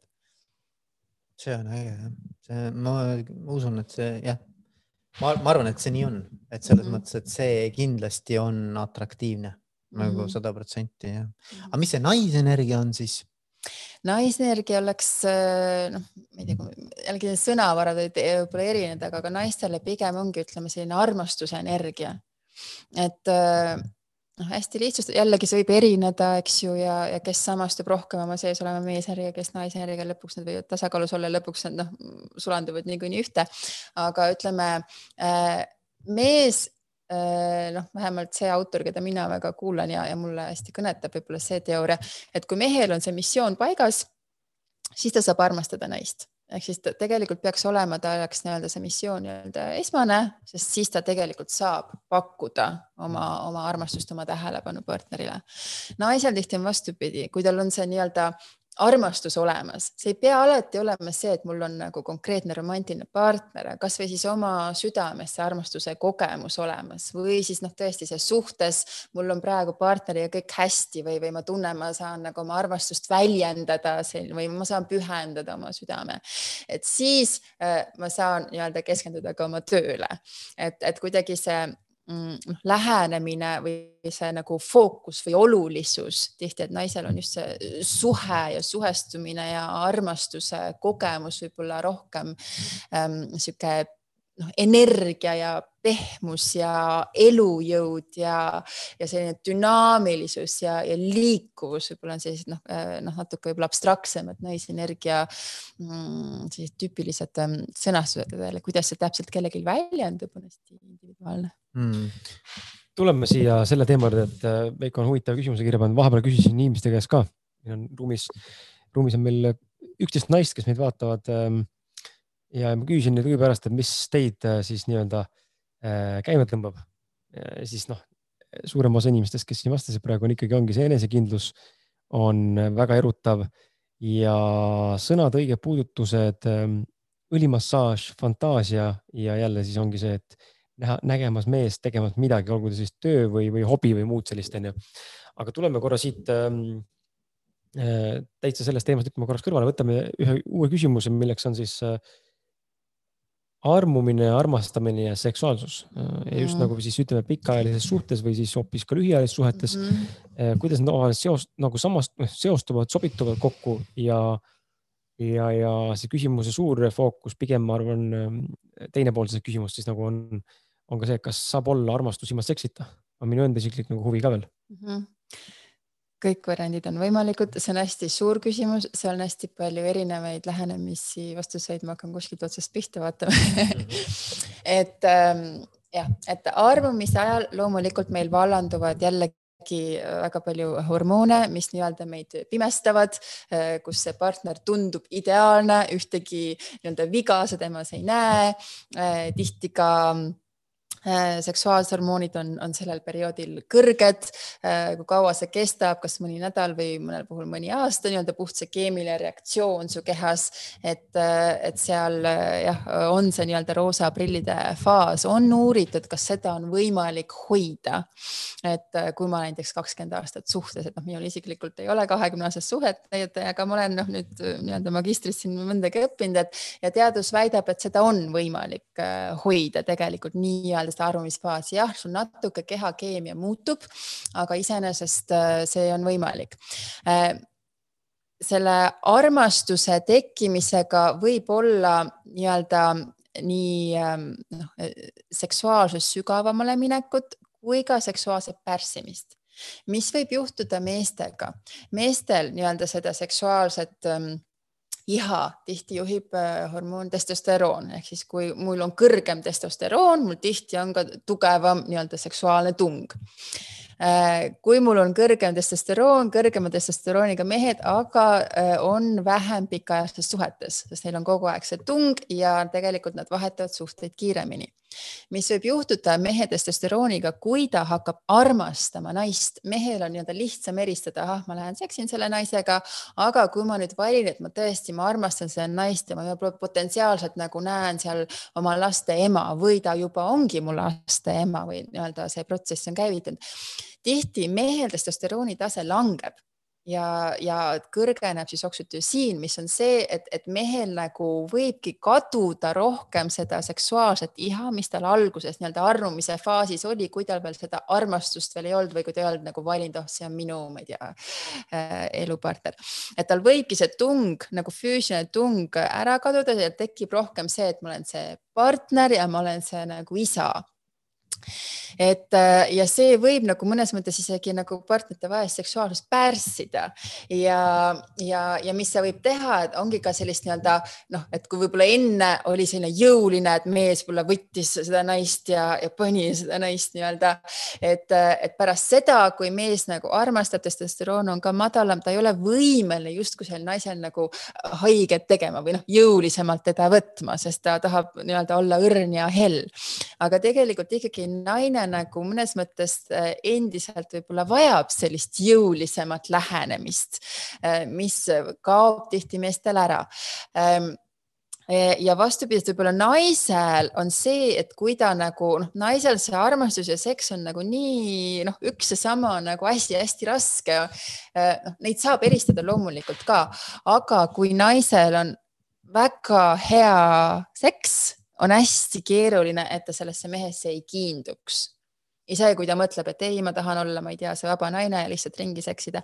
kui see oli sügav kogemus talle, noh, kõik need hormoonid jällegi, mis vallanduvad ka energeetiliselt nii-öelda süda avaneb, et, et siis ta nagu kiindub sellesse mehesse, kas see on siis, kutsume seda armastuseks või, või armumiseks, oleneb siis faasist. ja mida rohkem jällegi see naine seda meest usaldab, ma ei tea, ole mitu aastat koos olnud, sa muudkui nii-öelda tõestad, et sa jääd mu kõrvale ja oled usaldusväärne ja isegi kui meil on väljakutsed, sa jääd mu kõrvale, sa ei jookse ära. et naise jaoks võib usaldusväärsust jälle tõsta ja naine võib aina rohkem nagu tegelikult avaneda selleks äh, nagu pikaajalises suhtes nagu mm. seksis. loomulikult miski, mis ma ütlesin, ei ole kivisse raiutud, kõik võib olla nagu spontaanne, kõik võib olla muutumises, igasuguseid erinevaid situatsioone võib olla, aga seda on täheldatud ja noh, mis on täheldatud ikkagi nende äh, paaridega, äh, kes on siis suutnud hoida ütleme nii-öelda seda armumise faasi, noh, mitte identset, aga ikkagi enam-vähem äh, nagu väga hästi oma suhet pikaajaliselt, et nad on suutnud hoida ka seksuaalelu ja nad on suutnud hoida tegevusi, mis nad tegid nagu suhte alguses, ehk siis noh, see on nagu see hästi lihtne soovitus, kui sa tahad, et sul oleks suhte algus, nii-öelda seda tunnet noh, siis, siis tee neid asju, mis sa tegid suhte alguses või suhtu partnerisse nii, nagu sa suhtusid suhte algusse või endasse, eks ju, sest suhte alguses me tihti ju pingutame tohutult. Kõik, ma ei tea, ka ma ei tea, välimuse osas või kas hambad oleks pestud või, või noh, mis iganes, tuba oleks korras või et äh, ja, ja noh, mingi hetk, ahah, kõik on, partner on käes, me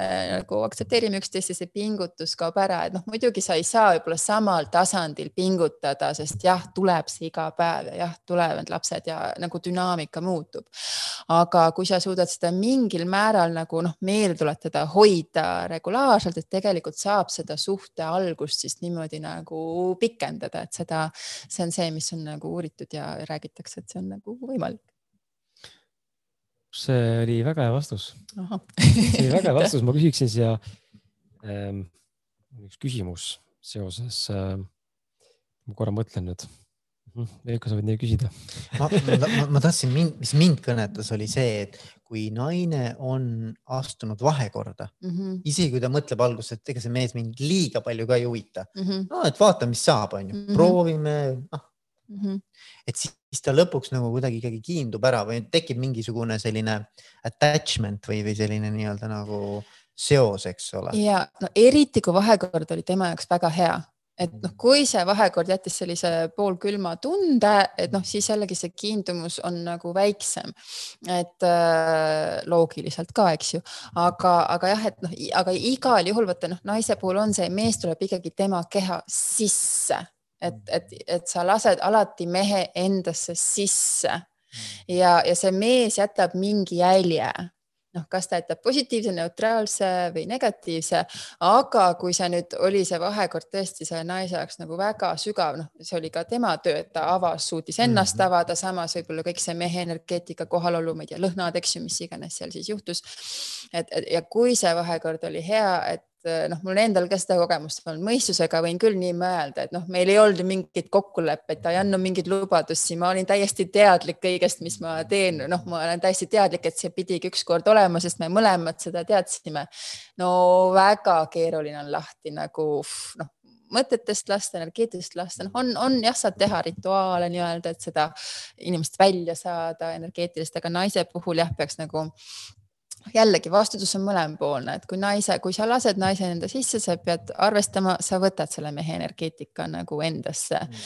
ja mehena, noh, sa pead arvestama, kui sa tõesti äh, pakud seal naisele sügava seksuaalse kogemuse, võta nagu noh, vastutus selle eest, et, et tal võib-olla tekivad, noh, päris kindlasti, kui oli väga hea, tekivad tunded, ta ei saa seda kontrollida. et, et mõlemad oleks teadlikud, nüüd ongi naisena, kas ma võtan selle otsuse, et ma tean, et see mees on mulle näiteks ainult üks kord, äh, aga ma tahan ikkagi ja mis siis, et ma pärast nagu võib-olla on keeruline üle saada, ma võin naisena ka selle otsuse vabalt vastu võtta, eks ju, ja mehena samamoodi. Mm. aga noh, siin on nagu mõttekoht, et kas, kas ma tahan seda või ma siis ei, ei, ei taha seda. Mm võtan siia küsimuse vahele siin. Äh, mul enda see küsimus läks meelest ära eelmise teemaga seoses, et kui siis äh, tuleb, siis tuleb, aga äh, Liina küsib, et kas teie jaoks on armumisel ja armastamisel vahe ja ma vastan lühidalt enda seisukohast, et sa kõik vastasin siis sellele küsimusele, et mina nagu tajun seal erinevust. ma tunnen, et see on nii abstraktne nagu teema, mul on väga raske eristada, noh, niimoodi nagu paberi peal justkui, et see on nüüd armumine ja see on armastamine, aga olles äh, nüüd kohe-kohe saab kaheksa aastat äh, minul äh, suhet näiteks ja ma näen, et ma olen endiselt oma naisesse armunud, aga mitte selliselt nagu suht alguses. see on nagu midagi nagu teistsugust. ja loomulikult noh, hea on, hea on nagu on alati kuulda seda ka, et, et ka meil selge on see, et see sebimise faas või, või selline, selline miilustamine ei ole päris see, mis oli suht alguses onju, noh, siin on, ongi igapäevaelu onju, laps tuleb sisse onju, muud tegevused. aga, aga seal on mingi vahe, aga ma ei oska seletada seda. mis teie mõtted on? no jah, siin saab ka erinevalt vastata, et jah, puht kehakeemia mõttes seal mm -hmm. on vahe et, et need hormoonid, mis sul on armumise faasis, ei ole need, mis sul on armastuse faasis ja noh, jällegi loomulikult inimeseks olemise iluvõlu on see, et me ei pea olema sõltuvad oma keha keemiast, aga noh, ta ikkagi väga suures osas mõjutab meid, et sa pead olema ikkagi üliteadlik, et la, mitte lasta ennast sellest nii-öelda häirida, mis su kehas äh, toimub, et seal on nagu erinevus. Äh, ja noh, kui me mõtleme sellisest nagu ma ei tea, joogalikumas perspektiivist, äh, armastus on otsus et armumine on võib-olla see tunne, mida ma ei saa kontrollida ähm, see on mingi noh, pigem nagu see emotsioon äh,, aga ta on noh, mõnes mõttes nagu pimestatud emotsioon, et ma tõesti võib-olla ei näe nagu tervikuna, ma lihtsalt noh, näen kinnisilmi natuke sihuke noh, osad isegi ütlevad natuke hullus seisundis, mul ei ole vaja süüa, mul ei ole vaja tööd teha, ma ei saa midagi, noh, ma olen täiesti nagu sõltuvuses selles faasis nagu sellest inimesest. aga armastus on nagu otsus seda inimest noh, täielikult aktsepteerida ja armastada sellisena nagu on, kui sa näed ka nii-öelda need väljakutsuvad kohad kõik ära ja tekivad need probleemid, aga sa otsustad, et ma armastan seda inimest ja noh, armastamine ei pea ka tähendama, et sa selle inimesega ilmtingimata kokku jääd, et te võite ka lahku minna, aga, aga noh, sa armastad seda inimest ikkagi edasi, et see on nagu ka ütleme rohkem nagu võib-olla mm, äh, südame tasandilt. nüüd loomulikult ma arvan seda, et kui sa valid inimest armastada, sa saad seda armumist esile nagu kutsuda, ehk siis nagu see pilk võib-olla, kui sa, ma ei tea, vaatasid alguses oma partnerit ja noh, vaatad teda, vau, et noh, ideaalne naine või mees. et, et see on ka nagu joogas hästi nagu treenitatav, et ma selle, selle, selle pilguga uuesti vaatan oma partnerit nagu armun tasse uuesti või noh, täpselt ongi, ma ei tea, su partner vaatab, kuidas sa saadet teed ja ta armub susse uuesti, sest ta näeb nagu seda hetke, eks ju, aga noh, samal ajal ta on otsustanud sind armastada ka nendel hetkedel, kui, kui sa teed midagi, mis tema jaoks on noh, väga-väga raske vastu võtta, eks eks tuli see küsimus meelde, et seoses testosterooniga, et äh, mul on siin mõned sõbrad-tuttavad nagu toonud selliseid äh, noh, omast arust ma ütlen omast arust, omast arust argumenteerivaid väiteid ja just nagu selle seksi iha puhul. et testosterooni puhul siis mees väidetavalt tahab rohkem, eks ole, on ju, Mhm. et kõrgem nii-öelda seksisu. nagu minu küsimus pigem nagu on sellise suunitlusega, et ega see ei ole ju nii mustvalge päris, et ähm, ega ju inimesed on erinevad ka. Ja, ja ilmtingimata ei tähenda seda, et nüüd, kui sa noh, a la oled taimetoitlane või, või ma ei tea, tegeled joogaga või oled nagu rohkem naisenergias, siis nüüd sellepärast, äh, puhtalt ainult sellepärast sa ei taha seksi, võib-olla see on ka puht nagu kinni ka mingil määral persoonis või nagu isiksuses. võib-olla sa tahadki vähem, võib-olla sa hindad seda asja vähem või nagu noh, natuke nagu jääb mulje vahepeal, et siin ühiskonnas nagu viidatakse meeste poolt just, et, et kui sul on ikka, kui sul on madal testosteroon, siis ikka midagi valesti, vaata. noh, aga kas ikka on valesti, äkki sellised on, äkki meist oleme meestena erinevad? Ja, kindlasti inimesed on erinevad ja, ja jällegi üks teadlane, kellega ma suhtlesin, et noh, Freudilt tuleb hästi nagu see, et, et noh, seksuaalsus on nagu iga teo algmotivatsioon, isegi kui sa ei tunnista, et sa oled seksuaalne, isegi kui sind seks ei huvita, tegelikult sul all on nagu motivatsioon, noh tema nagu hinnangul tegelikult see ei ole, nii et on tõesti eh, reaalselt ikkagi inimesi, kes näiteks tõesti ei huvitu seksist ja me ei räägi siin nagu aseksuaalsusest, et noh, et lihtsalt neil ongi nagu hoopis teised prioriteedid riigid. Äh, nad elavad nagu võib-olla noh, teise, teiste väärtustega ja, ja loomulikult mina usun ka, et selliseid inimesi on ja neil ei ole midagi viga.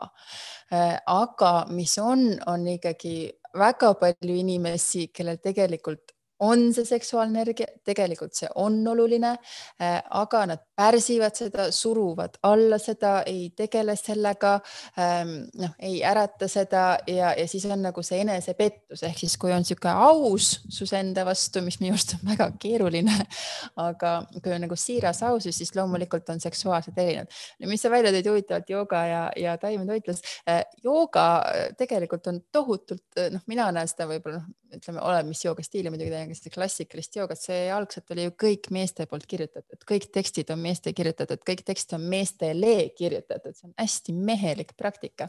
jah, tänapäeva New Age jooga, kus võib-olla võimled ja venitad, see võib-olla on noh, midagi rohkem kehale ja, ja sellist naiselikku sinna juurde. klassikaline jooga tegelikult ähm, on väga sellist kohalolu, tähelepanu, meelekontrolli, sirge selg, eks ju. võtan eesmärgi, täidan selle suhtumisega ja, ja taimetoidust noh ka, eks ju, siin ei ole vist veel selliseid põhjalikke uuringuid tehtud, aga ühest vegan filmist tehti väike katse meestega, et anti neile siis üks päev liha süüa õhtul kõik orgaaniline, öko, väga hea kvaliteediga liha ja mõõdeti siis nende erektsiooni öösel, et öösel noh, e, iga mehe peenis läheb mingi aeg kõvaks, mingi periood ja siis jälle pehmeks, eks ju. ja järgmine õhtu anti neile veganit, vegan toitu ja uuesti mõõdeti erektsioone ja need protsendid olid ikkagi hämmastavad, kui mehed sõid õhtul vegan toitu, siis esiteks erektsiooni pikkus äh, noh, oli kordades rohkem nii-öelda läks peeniserektsiooni ja ka see laius oli kordades suurem ehk siis ähm, jällegi ma ei pretendeeri siin mingi absoluutsele tõele aga jooga ja veganlus iseenesest potentsiaalselt on tohutult mehelikkust äh, nii-öelda äratavad tegevused. Küsin enne, kui Veiko saab vastata, Veiko on näha seal juba tekivad mõtted. Aga ma tek... siin ma märkasin, siin läheb kokku e-, minu eelmise küsimusega, aga ma näen, kuidas naised kirjutavad siin praegu, et ähm, et ilmselgelt, kui naised ei taha nii palju seksi, siis pole olnud vahekord eriti sügavalt rahulduspakkuv, onju, ja mul oli vestlus siin ähm,. aitäh sulle ka, Ann, selle kommentaari eest ja mul oli vestlus äh, ühe sõbrannaga ka, kellega ma teen ühte podcast'i koos, et ähm, no Merilin Taimrega teeme, teeme podcast'i koos ja siis temaga vestlesime samal teemal ja, ja siis ta tegi ka nagu pool nalja mulle niimoodi nagu provotseeris, ütles ka, et noh, ma, julgesin välja öelda ühel hetkel, et mulle suuseks ei meeldi mm. -hmm ja siis ta nagu tõi nagu näite, et aga ju sa pole saanud piisavalt head.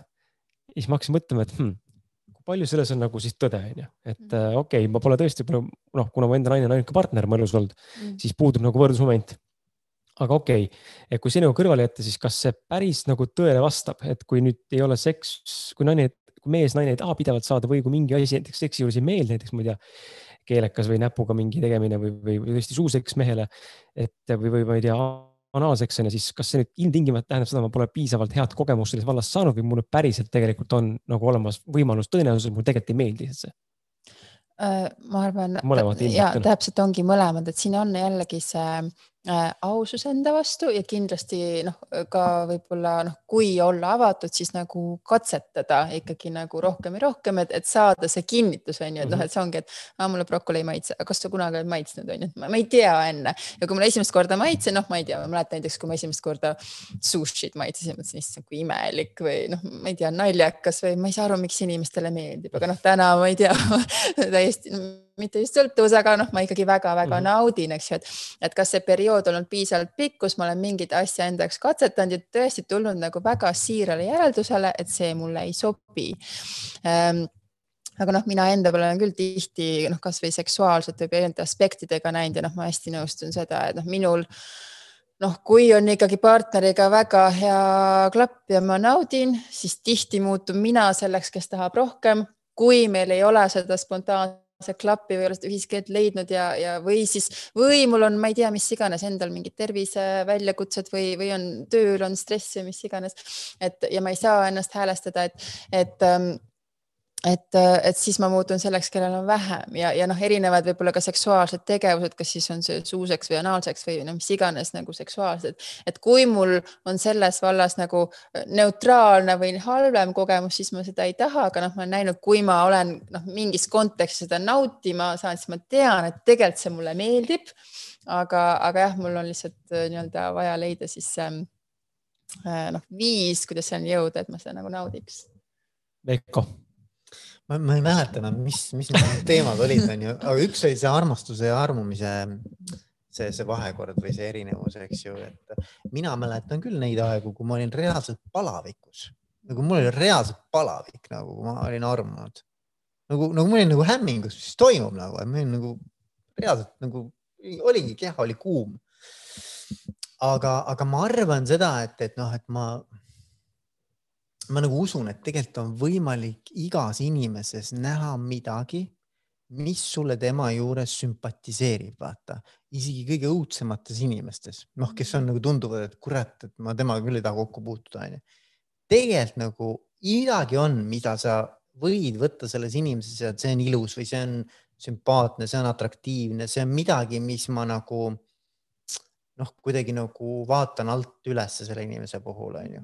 ma nagu usun sellesse ja nüüd noh, partneriga on ka selline lugu, et, et, äh, et sa saad iga päev nagu vaata keskenduda, sa saad otsustada, millele sa tähelepanu pöörad, vaata mm. -hmm. et kas sa pöörad nüüd tähelepanu sellele asjale, mis sulle tema juures ei meeldi mm. -hmm. Neid on ka alati mm. -hmm. või sa pöörad tähelepanu sellele, mis sulle tema juures tegelikult pigem nagu hästi sümpatiseerib mm. -hmm. ja sellest oleneb väga palju, kuidas see suhe siis nüüd hakkab kas sa, sa armud näiteks tast selle uuesti sellepärast just mm, -hmm. et sa keskendud sellele, mis sinule väga meeldib tema juures see on hästi-hästi oluline, sest jah, tihti meil on nagu kalduvus nagu noh, näha või keskenduda sellele negatiivsele, et kuidagi automaatselt nagu läheb väga lihtsalt sinna.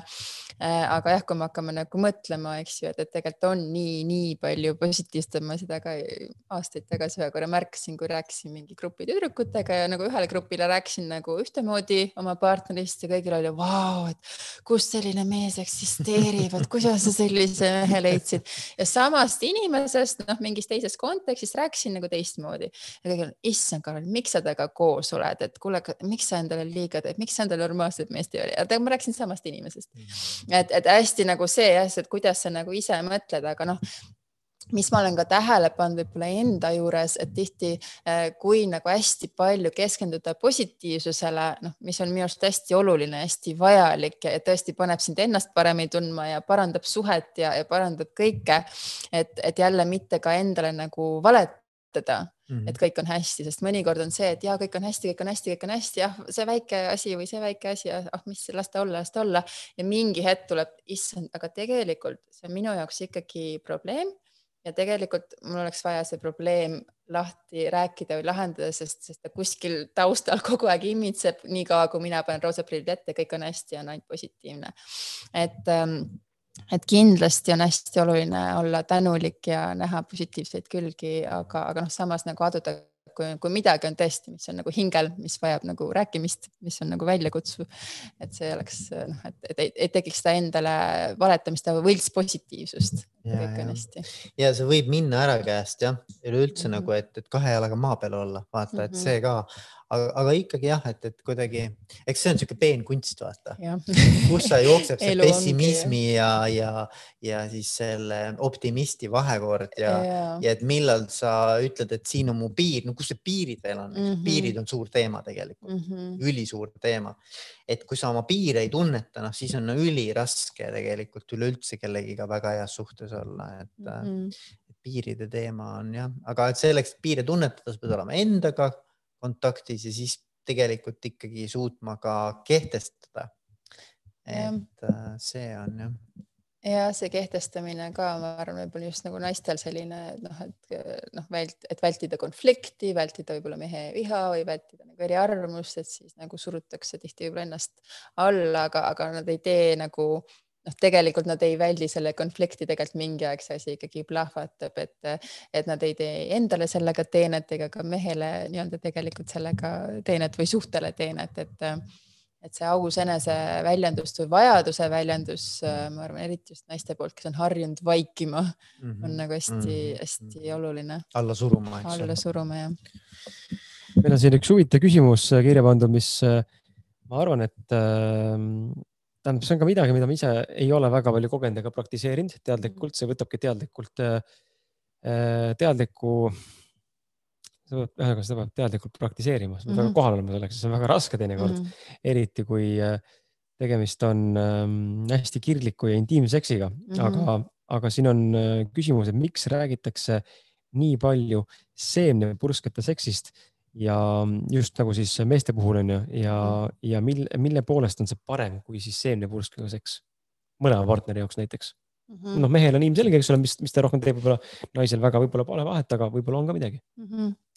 ja suur teema jälle see äh, ilma, noh, orgasm ja ejakulatsioon on kaks eri asja, et see on äh, teaduses ka kõik seletatakse ära, kuidas kehas on kaks eri funktsiooni. üldiselt tänapäeva mehed enamus harjutavad sisse noorest peast ja kogevad seda kui ühte asja, ehk siis ka siiamaani on see ka teadusesse jäänud. üldiselt, kui ikkagi, kuigi öeldakse, et on kaks eri asja, üldiselt, kui räägitakse mehe orgasmist, räägitakse ikkagi ejakulatsioonist ja ja see on täiesti nii-öelda normaalne, naturaalne, loogiline protsess, eks ju, mehe kehas loomulikult, et saaks paljuneda, on seda siis vaja ja see on ka võib-olla põhjus, miks meestel see hästi loomulikult välja, välja tuleb.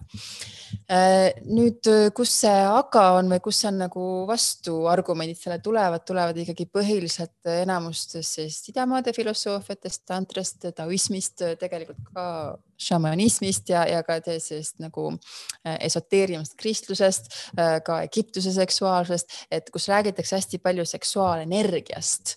Ja noh, ongi, et kui noh, ma arvan, et enamus mehi on nõus, et kui sa oled ejakuleerinud, kuidas sa ennast tunned, üldiselt sa tunned ennast läbi väsinuna, üldiselt sul ei ole huvi jätkata naise rahuldamisega pärast seda, sa pigem jääd magama või ma ei tea, iganes sellist väga lõdvestavat tegevust teha, ehk siis sa tunned, et sa oled nagu tühjaks lasknud ennast. töö on tehtud. töö on tehtud, onju. ja paljud meeste, mehed nagu isegi igatsevad või vajavad seda, see oli pingeline päev, tuš, sain tühjaks, nüüd saan rahulikult magama jääda, nad ei näegi selles nagu midagi negatiivset, et nad väsinud tunnevad, võib-olla katsutavadki seda nagu rahustava magamisrohuna, eks ju.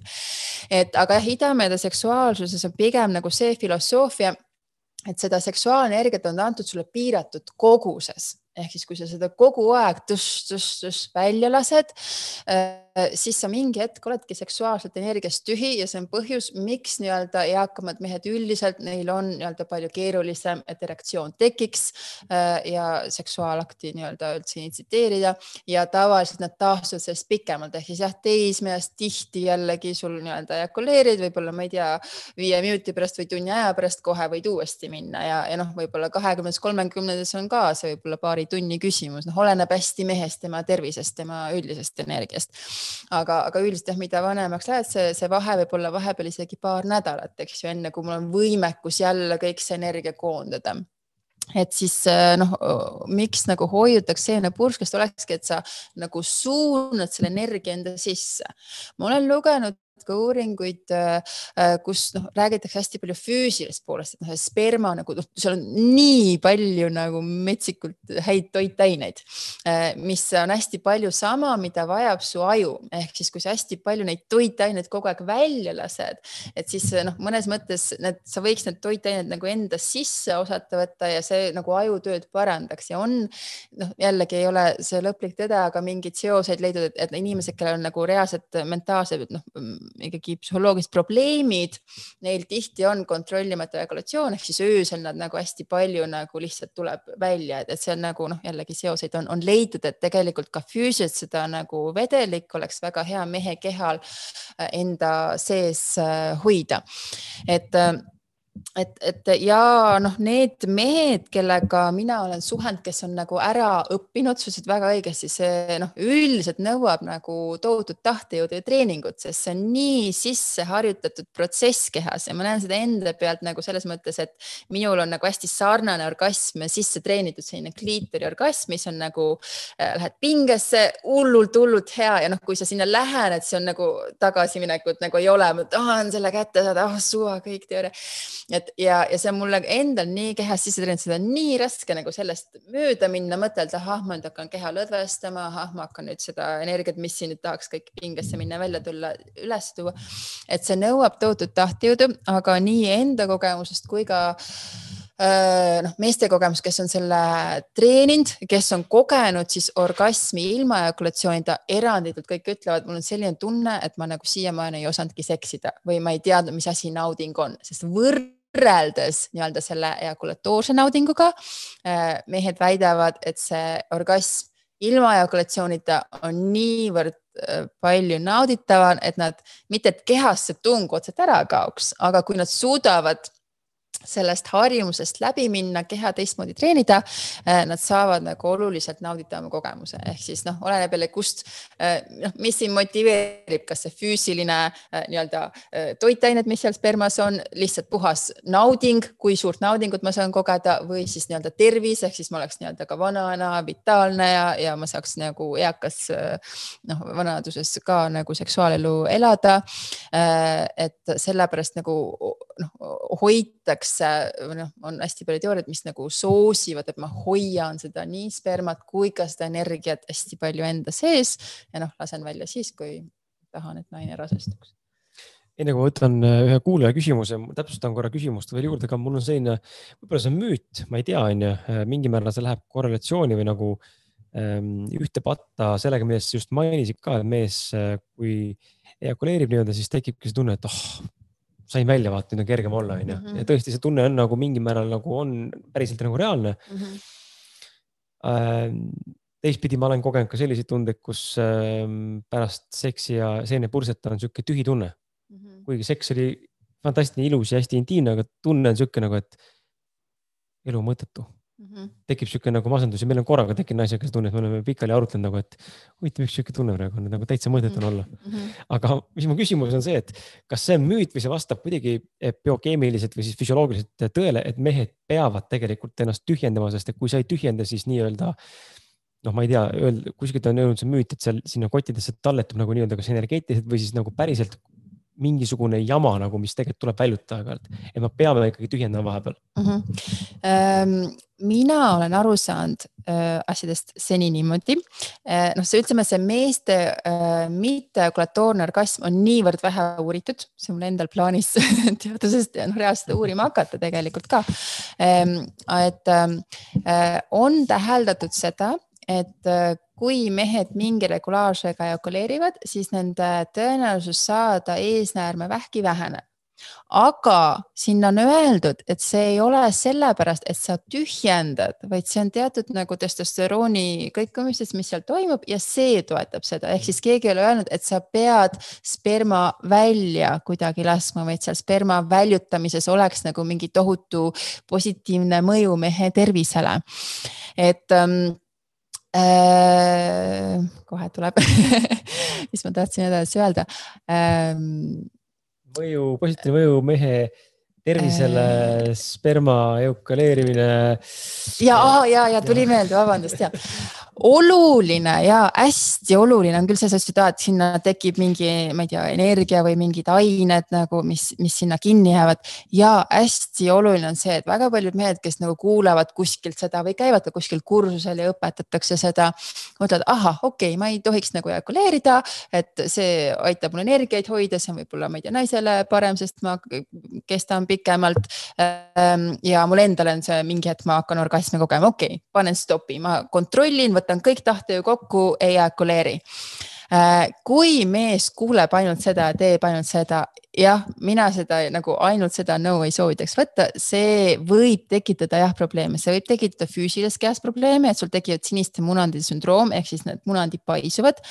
ehk siis, kui sa tahad minna seda teed, et treenida ennast mitte ejakuleerima, on hästi-hästi oluline võimekus nii-öelda see energia ja ka see sperma nii-öelda ringlusesse panna ehk siis ma ima nii-öelda see sperma lähekski nii-öelda minu kehasse ja ma saaks need toitained kätte ja see energia, kõik, mis siin koondus, eks ju, see, see tohutu naudingu tunne, mis ma siin kogen, et ma suudan selle võtta ja tõsta ta ülesse.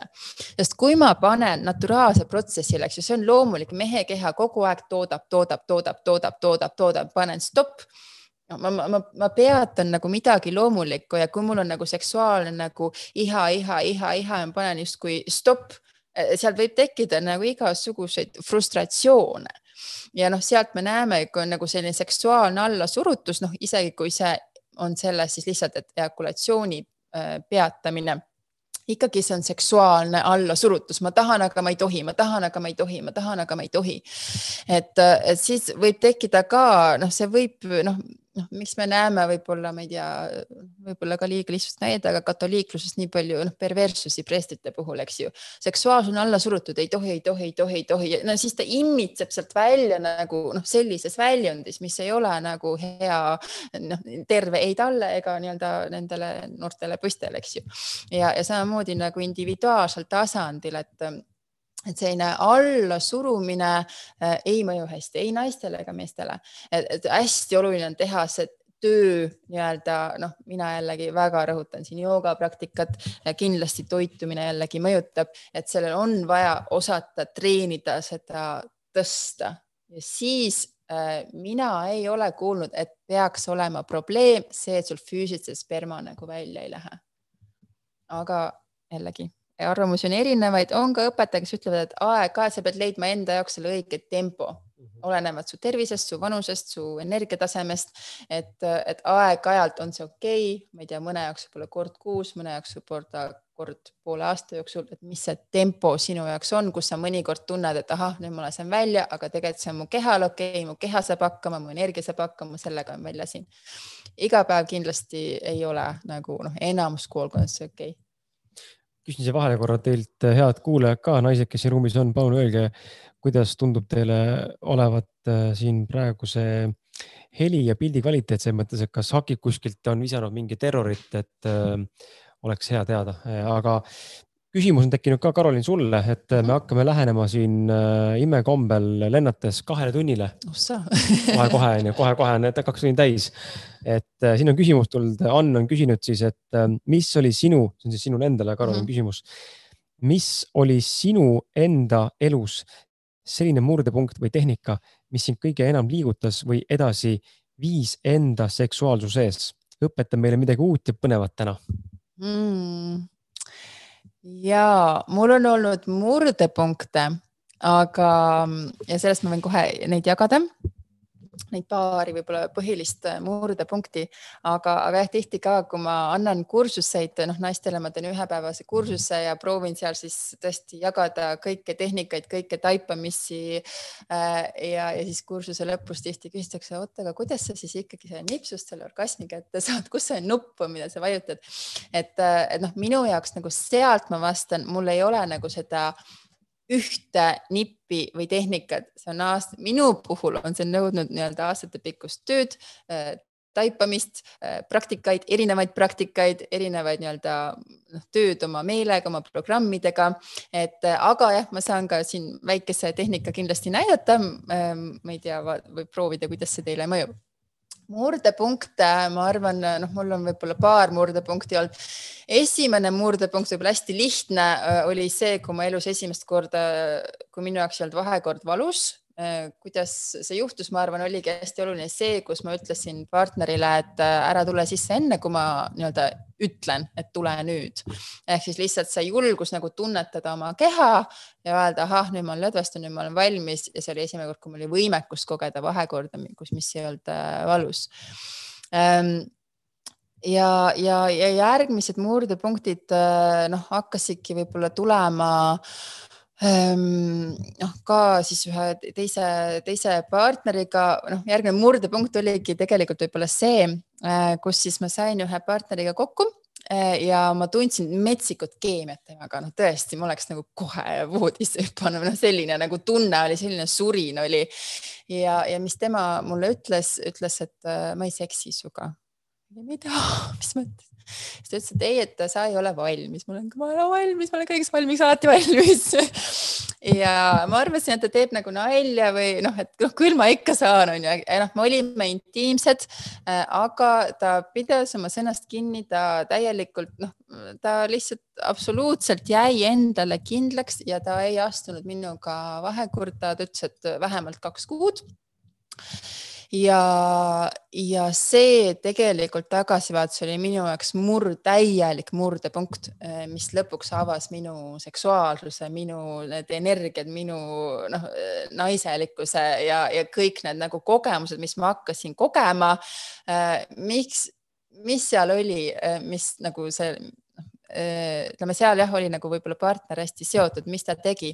esiteks ta võttis maha selle eelduse, et peab toimuma penetratsioon ehk siis iga kord, kui me läksime intiimseks, alguses mõtlesin, ah küll, küll juhtub, lõpuks ma nagu rahunesin maha, okei okay,, niikuinii penetratsioon ei tule.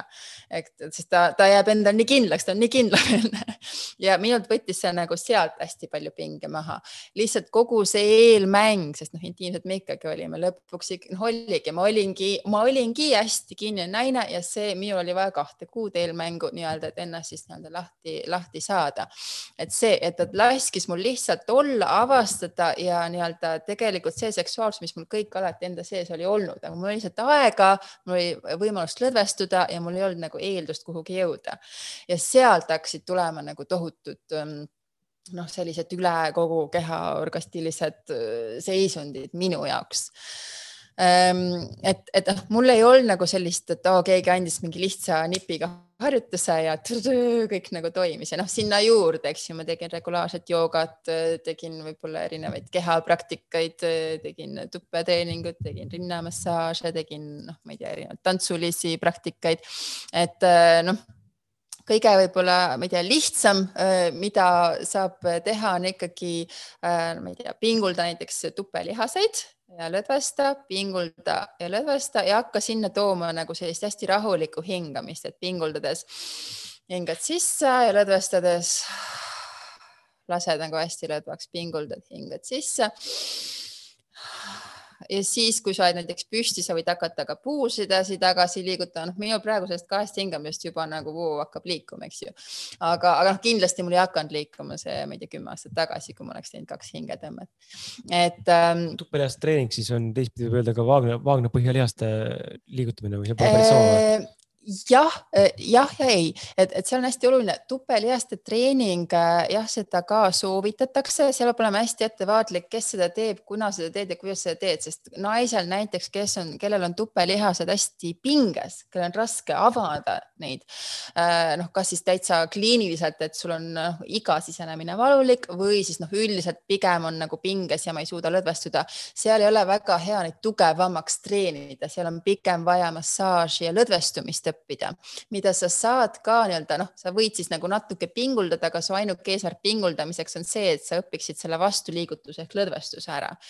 et ähm, ja üldiselt, kui me räägime treeningust kui sellisest, eh, noh, see peab olema hästi nagu noh, samm-sammult jällegi, et sa nagu liiga üle ei treeniks, et sul pärast on nii tugevad, aga sul ka, sul ei ole võimekust lõdvestuda, ehk siis treeningul on oluline nii nii-öelda jah, nii-öelda see tunnetamine, toniseerimine, samas hästi oluline on nagu see lõdvestuse moment. et noh, kui mina räägin võib-olla sellest noh, tupelihaste pinguldamist lõdvestusest, eh, ma võib-olla ei panegi ise noh, ka kursustel seda rõhua, sest niivõrd seal trenni tunnile kui sellele, et ma nagu noh, lihtsalt nagu tunnetan, et ma siin nagu liigutan, äratan ja siis ka nagu lõdvestan kõik keha ja siis justkui nagu pinguldan, nagu aktiveerin, nagu äratan ja siis lõdvestan. ja kui seda nüüd noh, teed, ma ei tea, viisteist minutit järjest siukse noh, sügava hingamisega, võid ka näiteks suu kaudu sisse hingata nagu, nagu torust nagu kõrrest ja siis justkui pinguldad ja tõmbad sisse, tõmbad üles just seda energiat ja siis täielikult lõdvestad ja, ja liigud kehaga nii-öelda kaasa, eks ju. et see nagu noh, minu arust on väga hea, võib-olla selline üks viis, väga lihtne võib-olla harjutus, mida, mida siis äh, järgi proovida, liigud kaasa, hingad sügavalt sisse, lõdvestad välja ja seal vahel nagu pingutused, lõdvestused, et, et äh, minu arust on see hästi jõuline harjutus, mis, äh, mis võib-olla paneb asjad liikuma mul tekkis vahepeal üks küsimus ja. ja see küsimus oli seotud sellega, kui ma kuulasin sind, et, et tuli üks mees sinu mm -hmm. ellu mm, -hmm. kes, kellega sa, sa tundsid hoopis teistmoodi või mm, -hmm. või sul oli kogu aeg sihuke tunne, et ta, tahaks temaga nagu koos olla või, või tahaks mm -hmm. temaga voodisse, tahaks temaga seksida mm. -hmm. Ähm, ma nüüd mõtlen nagu seda, et kuidas need, kes meid kuulavad, eks ole mm, -hmm. et äh, kas on midagi, mis sinu elus nagu juhtus sel ajal mis lubas sul selle mehe suhtes ennast niimoodi tunda.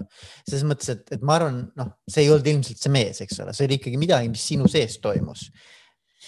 mina olen näinud hästi paralleelselt, ütleme noh, kuidas või nagu millised mehed mu ellu nagu tulevad.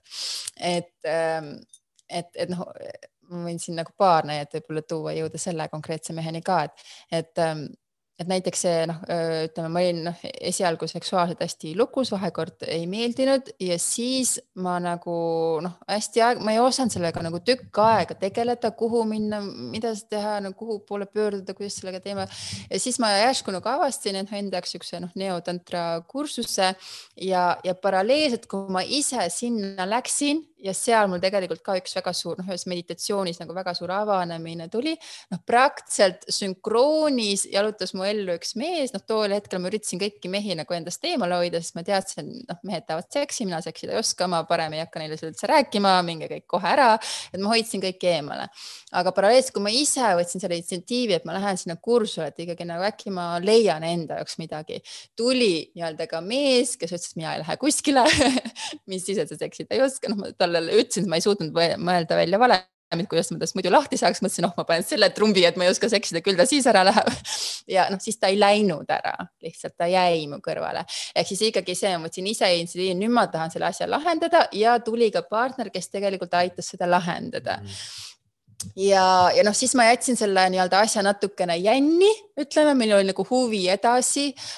siis näiteks järgmine partner, ma nagu midagi mainisin, kuule, ma olen kuulnud, et noh, et mehed võib-olla ei ejakuleeri või on nagu taoism, noh, ma ise ei teadnud ka sellest veel väga palju, aga mind hakkas juba kõnetama kogu see maailm.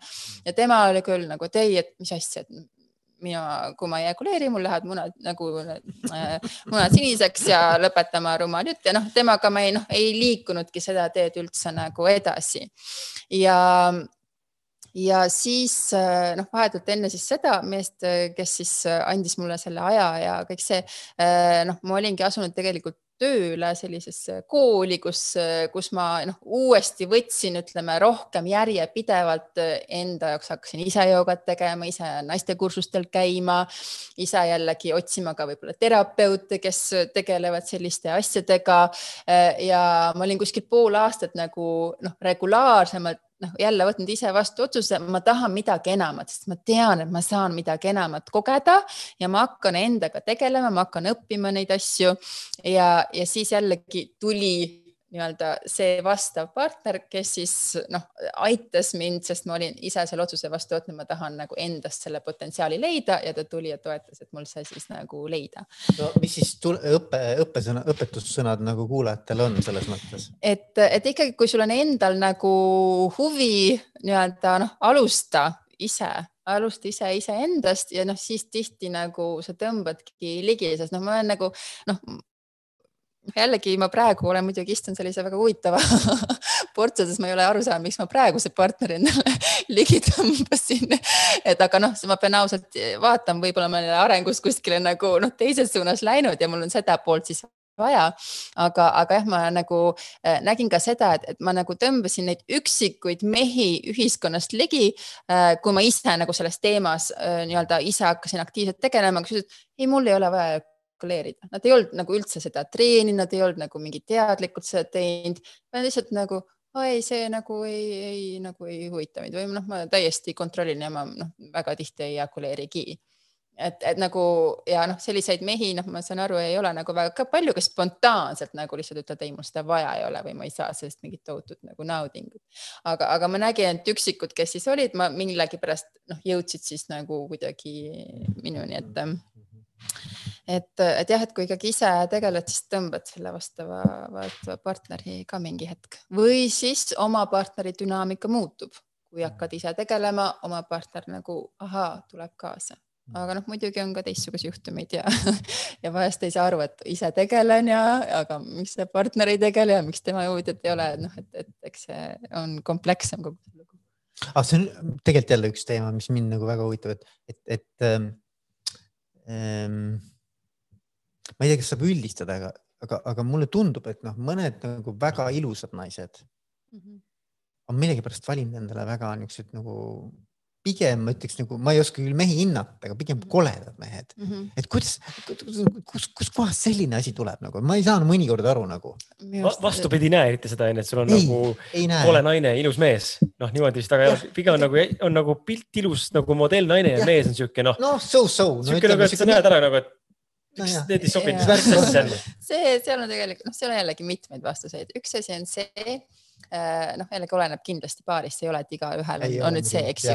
Äh, üks asi on see, äh, naised on rohkem auditoorsed, mehed on rohkem visuaalsed, ehk siis mehele tegelikult on nagu olulisem, et noh, tema silmis tema partner oleks visuaalselt, noh, füüsiliselt ka nagu ilus, noh jällegi, mis see ilu iga mehe jaoks on erinev, eks ju. naise jaoks noh, see, see atraktiivsus tihti tuleb ikkagi mehe sõnadest see, mida mees teeb ja see, mida mees räägib. Ja, ja noh, väga tihti ongi see, et sul võib olla väga ilus mees, sa võid noh, muidugi naisena, ma usun, noh, läheb ikka pilku ja on nagu visuaalselt väga ilus mees. aga kui see mees teeb suu lahti ja sealt tuleb nagu noh, ma ei tea, mida no siis, siis nagu noh, ei ole, on väga raske nagu ikkagi noh, mingit atraktiivsust või armumist sealt nagu saada. samas noh, kui on nagu mees, kes sulle noh, visuaalselt nagu üldse silma ei jää, aga kui ta hakkab rääkima või kui ta oma tegudega kuidagi midagi demonstreerib, ta võib muutuda nagu ikkagi naise silmis tohutult atraktiivseks, ehk siis äh, tihti nagu naisele see visuaalne pool ei olegi niivõrd oluline, kui see just see mehelikkuse tunnetus, see, mis mees teeb ja see, mis nagu noh, sa vaatad nagu tegudest ja, ja kuulmisest, mis võib veel olla ikkagi, et paljude naiste puhul võib võib olla, ütleme, see turvatunde vajadus hästi oluline ja, ja noh, mis ma olen ise ka näinud vahe, noh, et, et, et kui mõned mehed, kes on võib-olla füüsiliselt, ma ei tea, siukse klassikalisem, noh, tänapäeva modelli välimusega hästi siis visuaalselt ilusad, mis me tänapäeva lääne inimese standarditena paneme. Nad teavad seda ja neil on tohutu nagu ego sellega, et nad on, ma olen nii ilus ja, ja see ilus naine võib-olla ta ei tunne turvaliselt ennast selle mehe kõrval, sest see mees, kuna ta on nii ilus, noh, ta võib kergesti iga naise saada ja noh, minna, et noh, et, et, et kas see päriselt niimoodi on selle mehe puhul, seda me ei tea, aga noh, kui naise jaoks on hästi oluline see, et, et see mees jääb mu kõrvale, ta on stabiilne, ta on turvaline, võib-olla ma valingi nagu selle koledama mehe siis, aga, aga ma tunnen, et ta jääb alati minu mm, kõrvale, eks ju et, et see faktor võib seal ka nagu rolli mängida. aga kas nii ei ole jälle, noh, võib-olla me jääme liiga pikalt kinni sellesse, aga, aga kas ei ole natuke see ka, et vaata, et ilusad naised on ju mm. Nad ju ütlevad, et tegelikult mehed ei julge ka nagu noh, paljud mehed tegelikult ei julge üldse nende poole nagu approach idagi üldse mm,. ja siis võib-olla see, kes approach ib, noh, et, et noh tulid lõpuks, eks ole. ja see on eriti tõsi nagu Eestis, et no mina näen seda nii radikaalset erinevust, et ähm, noh, ma ei tea, mis minu füüsiline hinnang on, aga lihtsalt naisena ma näen nagu Eestis noh, kasvõi nagu noh, meeste tähelepanu või komplimendid, noh, neid, neid on nagu tohutult vähe, nii kui ma ületan piiri ja lähen natuke lõuna poole, kasvõi Euroopas, noh, lihtsalt see meeste tähelepanu, meeste no, no kõik, noh, kõik, mis nagu sinu suunas tuleb, see võimendub nagu tohutult ja ma ütlen ka alati, noh, mina nagu tegelikult hindan Eesti meest nagu tohutult selles mõttes Eesti mehe mehelikkus ja see kõik nagu, et ta teeb tegusid ja ta noh, see noh, nii-öelda need klassikalised latiinod, kes võivad sulle, ma ei tea, mis äh, sonaadid kokku luuletada, aga lõpuks need sõnad on nagu nii tühjad, mis sealt tegelikult tulevad ja, ja seal sõnal noh, ei ole nagu mingit väärtust, et selles mõttes nagu Eesti meest mina tohutult hindan, ometigi mul enamus partnerid on välismaalased ainuke põhjus on see, et välismaalane küsis, kuule ma ei tea, saame kokku, lähme välja mhm. ja ainuke põhjus on see, et Eesti meelsed ei tulnud ja, ja ei küsinud. minul on nagu küll selline kogemus ja tegelikult mul sõbrannadel ka või noh, mingi aeg mul ikka äh, Tinder ikka pidin ära katsetama ja, ja hästi sarnane oli, et, et nii kui noh, ma proovisin, ma ei pane väga välismaa meestele tegelikult like'e, aga noh, mõned ikkagi panin ja välismaa mehel kohe tere, kuidas läheb, ma ei tea, sa oled ilus, saame kokku mm. -hmm. ja Eesti mees enamus ei hakanud rääkimagi või need, kes hakkasid, ütlesid tere ja noh, umbes sinna see jäigi. Ja noh, hästi nagu et, et ja see võib põhjus ka olla, et naine lihtsalt võtaks lõpu, võtab lõpuks selle, sest noh, väga paljudel naistel ikkagi noh, ütleme, nad nagu ootavad või mina ka kindlasti ootan just, et, et ma võin ise ka, ma ei, nagu ei, noh, selles mõttes ei karda alati ka, et kui ma tahan, ma noh, võin ennast kokku võtta, ma olen seda varem teinud, mulle meeldis, meeldib, ma lähen ütlen. aga mingi hetk mul lihtsalt tekkis nii tohutu frustratsioon sellega, sest väga paljud korrad oli see, et mees ütles, aa ja, ja tegelikult sa mulle ka ammu meeldisid. aga miks sa siis ei tulnud ja ei ütelnud mulle ja mingi hetk ma ütlesin, ma põhimõtteliselt ise enam ei lähe ja ma ei tee, sest ma tahan, et see dünaamika oleks vastupidine. Mm., ma lihtsalt tahan, et, et see nii-öelda see sõna tuleks sealt ja, ja võib-olla on nagu noh, neid naisi siis veel, eks ju, kes nagu noh, see on, see on mäng jälle, mõlemad võivad võtta, mis rolli nad tahavad, see ei pea olema kivisse raiutud ja, ja mõnele sobib see mäng hoopis teistpidi on ju jahtimine, aga aga, aga jah, ega lõpuks ongi see, et see, kes siis tuleb ja küsib kui see sobib, et noh, siis. ega elus ongi sellega. niimoodi, et kui sa ei küsi, ega siis ei saa ja kui, kui küsid, kõige hullem, mis võib juhtuda, on saad ei. noh, et nii ja. ongi ja, ja noh, see ei, see ei naiste puhul, nojah, jumal teab, mina olen ka öelnud nagu sada korda ei, lõpuks ikka ütlen jah, et, et mõnikord see ei on tõesti ei ja, nagu naise ja, puhul, aga mõnikord see ei on nagu, see on nagu see, et ära tee, ära tee, tee ära. ei, see on umbes nii, et küsi uuesti. küsi uuesti, muidugi küsi uuesti, et kas sa aru ei noh, tegelikult noh, mina näen ka enda käitumises, see on ikka vahepeal ma olin ikka täiesti ise vaatasin ta otsa, aga ei uskunud, et noh, täiesti nagu Jaana Lind, et nagu noh, kui mulle mingi mees nagu oli atraktiivne ja, ja võib-olla ta isegi tuli ja ütles midagi tere! või noh, mis iganes. no ma põhimõtteliselt võisingi nagu umbes teises suunas joosta, panna pea liiva alla ja täiesti ära peita, siis nagu loodan, kas ta näeb mind, kas ta näeb mind, kas ta ikka näeb, kas ta ikka saab aru, et ma olen nagu tohutult huvitatud? Onju aga lihtsalt nagu noh, mingi argus tuleb nagu nii palju sisse või mingi närv, et, et, et siis nagu noh, loomulikult on mehel nagu sellest märguandest ka raske aru saada. Eh, noh, tema jaoks on see okei okay,, ta nagu pani teises suunas minema, okei okay,, ta vist ei ole huvitatud, onju. et, eh, et noh, et seal ka see, see naise ei, et noh, mõnikord ta on tõesti ei, aga mõnikord ta tegelikult ei ole ei.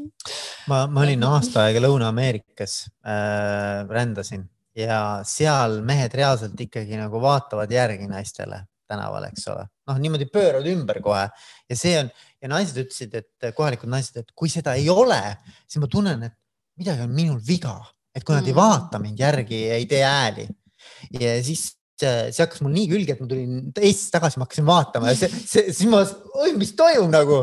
et noh, siin ei ole, see on ju e-, viib ebaviisakas ju noh, mm. selles mm. mõttes. aga nojah, see sihuke naljakas lugu. ja eks seal on kultuursed äh, erinevused, et. Äh, naised ise tahavad, et neid vaadatakse järgi, noh loomulikult see noh, naine ikkagi igatseb see tähelepanu, no. see tähelepanu vajadus, noh nagu samal meestel on vaja tunnustust ja kiitust, eks ju, naisel on vaja tähelepanu, et on ilus, et on atraktiivne, et on ihaldusväärne, et ta nagu ka nagu toitub sellest, et see ei pea tähendama, et nagu sa iga naisega nagu suhtesse lähed või seksid, aga et sa kasvõi nagu tunnustad.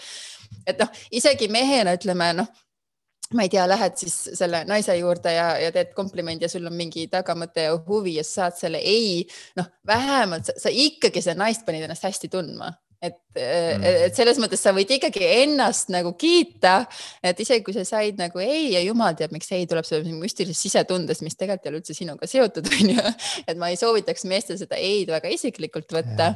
Eh, aga, aga see on nagu kihvt, kui mehed nagu noh, vähemalt teevad ja siis noh, ma arvan, iga naise silmad paneb see särama, kui keegi kasvõi talle midagi nagu noh, kasvõi järgi ootab ja ütleb midagi ilusat, on see siis tagamõte või mitte ma olen märganud, et äh, ma, ma olen ka mehena selles mõttes pigem nagu enesekindel ja mulle meeldib äh,. mul, tähendab, mul ei, ei ole probleemi teha komplimente mm., äh, olgu ta võõras naine või, või meesterahvas, noh, ei ole probleemi. Ma olen märganud, et kui ma teen seda tagamõteta, noh, mul ei olegi tavaliselt tagamõte, võib-olla mõni tagamõte on see, et ma ei tea, tahan temaga koostöö, mingit koostööd teha või tõesti mm. kuidagi läbi selle žesti või selle viisakus nii-öelda mingisuguse komplimendi jõuda siis mingisuguse muu asjani, noh, mitte siis suhe on ju, või mingi seks on ju, mul on täna suhe olemas. aga mida ma näinud olen, see, kui puudub nagu igasugune mehena nagu see tüüpiline lähenemine, ma tulen, ütlen sulle komplimendi sellel eesmärgil, et äkki ma nüüd saan jala ukse vahele onju või piltlikult öeldes pea sisse panna onju, peenise pea siis onju. Et lootuses, et naine nüüd nagu reageerib, siis mulle tundub vähemalt, et äh, vaadates nende naiste reaktsiooni nende komplimentide hetkel ja seda, mismoodi su olustik ja ütleme, see vibe või energia ruumis muutub pärast seda, kui sa teed nagu siira komplimendi mm -hmm. ja enesekindlalt, siis on näha nagu, et tekib nagu tunne, niisugune tunne nagu tekib eemalt vaadatuna, et ossa raisk, nad hakkasid mind tahtma nagu mm ja väga, nagu on näha, et naine, naine nagu muutus siukseks nagu, et oo mm,. sa oled küll suhtes, aga et äkki on nagu võimalik kuidagi no, äkki on kuidagi võimalik. äkki on kuidagi võimalik, vaata, et äkki laps, naine unustab korra ära, vaata no, nagu näha, et see nagu midagi muutub totaalselt mm., mitte kõigiga, aga mm. mõnega nagu olnud tugevalt näha seda, kas see tõesti on siis nii, et.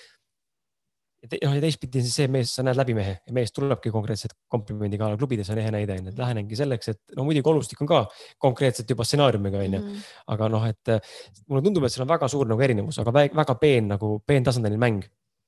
Ja ega naistel on noh, tihti paljudel need tundled nii-öelda küljes ja nad tunnetavad nagu noh, ära selle tagamõttega, noh kahjuks võib-olla on ka teistpidi, et noh, kasvõi näiteks ongi klubis, mis tegelikult võib-olla on ka koht, kus tegelikult miks mitte inimesed võiks tutvuda, onju. kui klubis nagu see mees tuleb, noh, heade kavatsused, naine huvitab, onju, aga noh, naistel võibki olla see, ma ei tea, halb arvamus meestest, ah, sa tahad ainult seksi, eks ju, juba ees ja mida iganes, see mees ka viisakusest võib-olla ei ütle või lihtsalt nagu äkki tutvuks. et, et ta võib saada nagu halva reaktsiooni, sest naine ei tunneta võib-olla õigesti ära, sest ta on juba nagu suur, suur nagu eelarvamus äh, ähm, ees, et noh, et kust see noh, maine on tulnud, et mõnikord on põhjusega, mõnikord ei ole, on ju, et, et seal nagu jällegi sellise tunnetuse, tunnetuse küsimus, aga noh, minu arust nagu ilus kompliment on alati, alati teretulnud et, et see jah, see tähelepanu nagu noh, äratab naist, eks ju mm, -hmm. et, et jah, ja noh, kui talle tõesti see mees üldse ei sümpatiseeri, noh siis ta saabki lihtsalt siis reageerida loodetavasti viisakalt, et tänan ei või midagi. tõmba uttu tõmba uttu, jah. Veiko, on meil küsimusi veel, sest et äh, naised rohkem ei küsi praegu, siin juba kiidavad tänavat korraldamast, et hakkavad äh, uksi kinni panema, aga.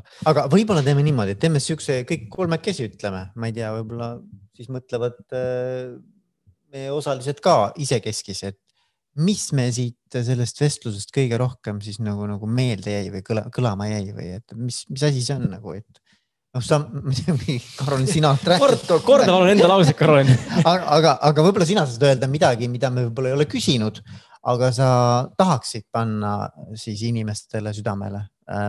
aga meie saame Krisiga öelda, mis meile kõlama on jäänud näiteks. võib-olla, mis ma tahaksin öelda, mis ma veel öelnud äh, ei ole, et hästi oluline aktsepteerida seda, kus sa oled. et äh, ma nagu tihti loodan, et ma ise ka ei tee nagu karuteenet sellega, et, et nagu näitan, oo näe, energeetiline orgasm ja, ja siis nüüd, kui sa seda ei, ei koge, et siis sul nagu midagi viga või sa pead hullult pingutama, et sinna nüüd jõuda või, või mehe puhul, issand, kui sa nüüd ei oska seda orgasmi ja ejakulatsiooni erastada, et küll sa oled siis nagu kuidagi halvas kohas nüüd sa pead kõik elu muutma, et et, et hästi oluline nagu aktsepteerida seda seksuaalsust, mis sul täna on olla nagu noh, mõnes mõttes äh, rahul selle, kus sina oma arenguteel oled. et igaühel on noh, erinevad valdkonnad, kus nad on kuskil jõudnud või mitte. ja aga noh, loomulikult, kui sul on huvi, et, et sa ka teaksid, et noh, täpselt nagu igas valdkonnas, et kui sa õpid, sa saad areneda mm. jällegi, et noh, kui ma tahan täna raamatupeoks õppida, ma lähen kooli, ma õpin paar aastat ja küll ma selle kätte saan, et samamoodi on seksi, kui sa tunned, et ahah, et okei okay,, mul on, olen, kus ma olen. et aga võtta seda nagu Äh, vabalt aktsepteerida seda ja noh, aktsepteerida kindlasti ka kõikumisi, et mis ma nagu enda peal ka näen, et okei okay,, et mingi aeg ma tõesti saavutasin nagu noh, sellise kogemuse, sellise seksuaalsuse ja noh, võrreldes sellele, kus ma olin nagu vaatasin, voo, mis hüpe ja, ja hakkasin seda jagama ja hakkasin seda õpetama ja mhm. mõtlesin, ohoo, nüüd ma olen valmis ja noh, mul on küll õppida palju, aga oh, nüüd ma nagu ja, ja jumal teab, et mul on väga palju väljakutseid praegu ka, sest tulevad võib-olla uued partnerid, uued situatsioonid, uued emotsioonid, uued mm. valukohad ja, ja jälle nagu vaadata, ohoo, et nüüd ma olen jälle nagu justkui tagasi, aga, aga noh, et, et noh, jällegi ma aktsepteerin seda, mõtlen, kui põnev õppekoht, kuidas ma nüüd siit jälle, jälle olen vanas mustris, ahaa, mis sa nüüd siis ma pean ise rohkem tegema ja sügavamalt tegema, et sellist nagu noh, aktsepteerivust ja mitte panna seda survet endale, et ma pean nüüd homme saama kümme orgasmi kogu keha järjest. Ja muidu olen kehv naine või mees minul, minule kuidagi jäi kõlama ja kõnetas see jutt, mis oli, et kuidas nagu leida endasse mees või naisenergia ja tunnetada ka partneri puhul, et mis see parasjagu on, mis teda käivitab või et mis, mis võiks olla see, mis, mis nagu, see on natuke ka niisugune nagu aktiivsuse ja passiivsuse osakaal, eks ole, et kus ma olen omadega ja mis see mm. siin selles tänases suhtes nagu kõige õigem on või selles positsioonis, kus me oleme. Et kuidagi see mind kõnetas, sest et et see natuke läheb sellega kokku vaata, et, et kui sa oled nagu näiteks pereema, eks ju, noh mm., oled pereema, sul on laps või lapsed eh,, sul on igapäevased kohustused, siis järsku nii-öelda sellest ema rollist või pereema rollist astuda nüüd noh, selliseks nii-öelda väga atraktiivseks selliseks äh, ülinaiselikuks seksjumalannaks mm. -hmm. no see ei käi niimoodi, vaata mm. -hmm. et sul on vaja nagu mingisugust sellist nii-öelda katalüsaatorit, üks on mm -hmm. see mhm. kontekst ja keskkond, aga teine pool on, et mis mu partner teeb, eks ju mm -hmm., kuidas ta aitab mul viia mind sinna mm -hmm.. noh, et nagu need, vot see mul kuidagi nagu kõnetas, vaata mm. -hmm. ja partner saab kindlasti aidata, aga noh, ka emana sa saad nii-öelda noh, päeva jooksul vaikselt ka nagu noh, teha vahepeal tupelihaseid, natuke nagu lõdvestada, natuke Ei, nagu enda sees nagu ennast häälestada, on ju noh, selle kõige konteksti äh, keskel, et, et jällegi see mõlemapoolne äh, noh, mõistmine on seal hästi-hästi-hästi oluline, et, et jah, et aga naise jaoks jah, kui ta oli päev otsa, ma ei tea, väikeste lastega kodus, noh, tema jaoks jällegi see oli kõik eelmängu osa, ehk siis äh, sealt on vaja nagu seda arvesse võtta.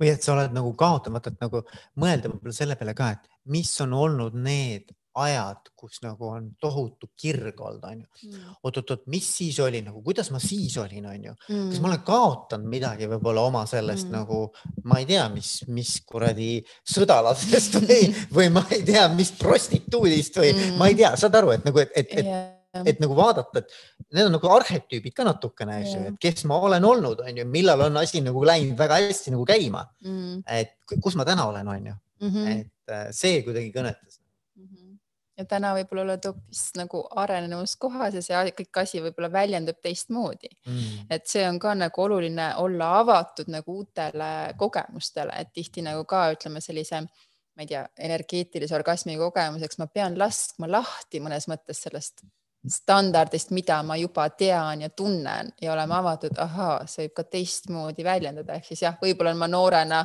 ma ei tea, olin seal sõdalane või, või prostituudi energias, aga see ei tähenda, et ma pean täna võib-olla sinna tagasi minema või täna võib-olla avardan ennast hoopis teises suunas, sest mul on ju ka väga palju uusi kogemusi sinna juurde, on ju, et aga noh, mõnikord jah, võib-olla ka suhte kontekst, nagu rääkisin, on võib-olla hea minna ka tagasi suhte algusse ja mõelda, okei okay,, kuidas ma siis käitusin, kuidas ma olin, et seda äratada no mina võtan siit kaasa selle isikliku küsimuse, mis ma andsin sulle, et sa tõid nagu noh, tõid tähelepanu sellele punktile, mille me olen ise tegelikult ise oleme ka mõelnud, just nimelt see noh, niisugune robustsus või toorus ähm, spontaansus või pigem sihuke jõulisus. mina mehena peaksin nagu rohkem võtma nii-öelda piltlikult öeldes. et iga naine tahab, kui teda võetakse noh, mõistuse piires onju mm -hmm., võib-olla mõnel rohkem, mõnel vähem onju, et ma päris sada protsenti ei armasta onju, aga selles mõttes ma näen küll, et äh, kogemuse mõttes ka, et ma olen ise mehena täna. Mm, noh, kuna naine vaata hästi pikalt, ma saan rääkida enda kogemusest, naine on hästi pikalt olnud äh, kinnine ja, ja, ja nagu selles mõttes äh, puudunud igasugune huvi pärast lapse sündi siis seksi vastu onju et siis äh, ma olen nagu kuidagi kaotanud selle julguse teha samme noh, mhm. korvi saamist on lihtsalt nii palju olnud juba, et ongi tekkinud tunne, et ma ei, ei teagi enam, kuidas nagu sepida oma naist, sest et ma ei, mitte midagi ei aita, et noh, kuidagi kardad mhm. täiega mm. -hmm. aga ma olen näinud seda ka, ka seda poolt nüüd siin viimase võib-olla paari kuu jooksul. et kui ta, kui ta avanebki ennast, ähm, siis, siis ta avaneb täiega, eks ole, onju ja, ja, ja teistpidi mäletan, viimane kord oligi sihuke, ta ütles siukse huvitava lause ta ei osanud, ei oska isegi seda sõnastada, mis see tähendab, onju, aga tal tekkis nagu eh, seksi ajal selline tunne või mõte, et tahaks nagu räpane olla noh, mis mm. ta ei osanud sõnastada, mis tähendab, tundis, et mm -hmm. nagu mhm. midagi avanes täiega, onju. ja mhm. tegelikult ma olen märganud ka, ma arvan, ma arvan, paljud naised on ka märganud enda puhul seda, et naine avanebki nagu noh, ka tupp avaneb selles mõttes teinekord päris rohkem jõuliselt, kas seksi ajal mhm. või vahekorra ajal. see lähebki nii-öelda laiemaks ja suuremaks, eks ole, kuidagi mingisuguse sisemise nagu taotluse või mingisuguse tunnetuse alusel, et eh, need on huvitavad kohad olnud ja ja tundub, et see võtmise soov tegelikult on ikkagi olemas ja et noh, see võtmine võibki ka tähendada lihtsalt seda, et sa natukene jõulisemalt, ma ei tea, vajutad rännet, eks ju, et täpselt see ei pea olema, et see on mingi. pea vastu seina lööd otsene nagu jah, et, et aga just see, et nagu see, see tunnetus on olemas, aga täpselt seesama tunnetus, et sa kõik tunned, et ahah, kas naine on piisavalt lahti, et ma lähen nagu võtan ja noh, see, mis ütlesid, see naise puhul võib-olla oo, ma tunnen nagu, et mingi räppa südamed ja see on ka hästi oluline nagu noh, naise seda spektrumit avada, et loomulikult naise energia ongi, et noh, kui ma olen sündinud sünnitanud jällegi kasvõi hormonaalselt nagu prolaktiin tõuseb, et mul oleks piima, aga see pärsib täielikult testosterooni ehk mul ei ole iha, ehk siis mõnes mõttes on hästi normaalne. aga samas, kui ma olen hästi palju selles ema rollis olnud, see on ühte tüüpi energia, mis on väga ilus, väga puhas, aga siis just nagu käivitatage seda tumedamat energiat ennast ja seda jõuliselt, noh, enda jaoks ka nagu avad seda spektrumi ja avad selle ka nagu seksuaalkogemust, et et mõnikord võib-olla just sihuke hästi pehme, armastav, hellitav ja teinekord sihuke nagu jõuline ja, ja mhm. tumedam, et, et mõlemad pooled on hästi olulised nii naisel kui mehel nagu avada, aga, aga jah, hästi nagu üksteist tunnetades, mis piirini ma kuhu lähen, et see jääks avamine, et ei tekiks nagu hirm ja kokkutõmbamine millegi ees. kuule, aga äge. aitäh sulle, Karol. aeg on lennanud ja teemad on väga põnevad mine tea, võime teha ka mõnikord jätku, ei, ei ütle ei veel, ei ütle ja ega ei. et aga igal juhul väga äge, aitäh sulle. aitäh, et kutsusite, aitäh. ja täname teid ka, et te kuulasite ja olite osalised selles. ja aitäh kõigile ja ilusat naistepäeva õhtut. ja, tšau, tšau, tšau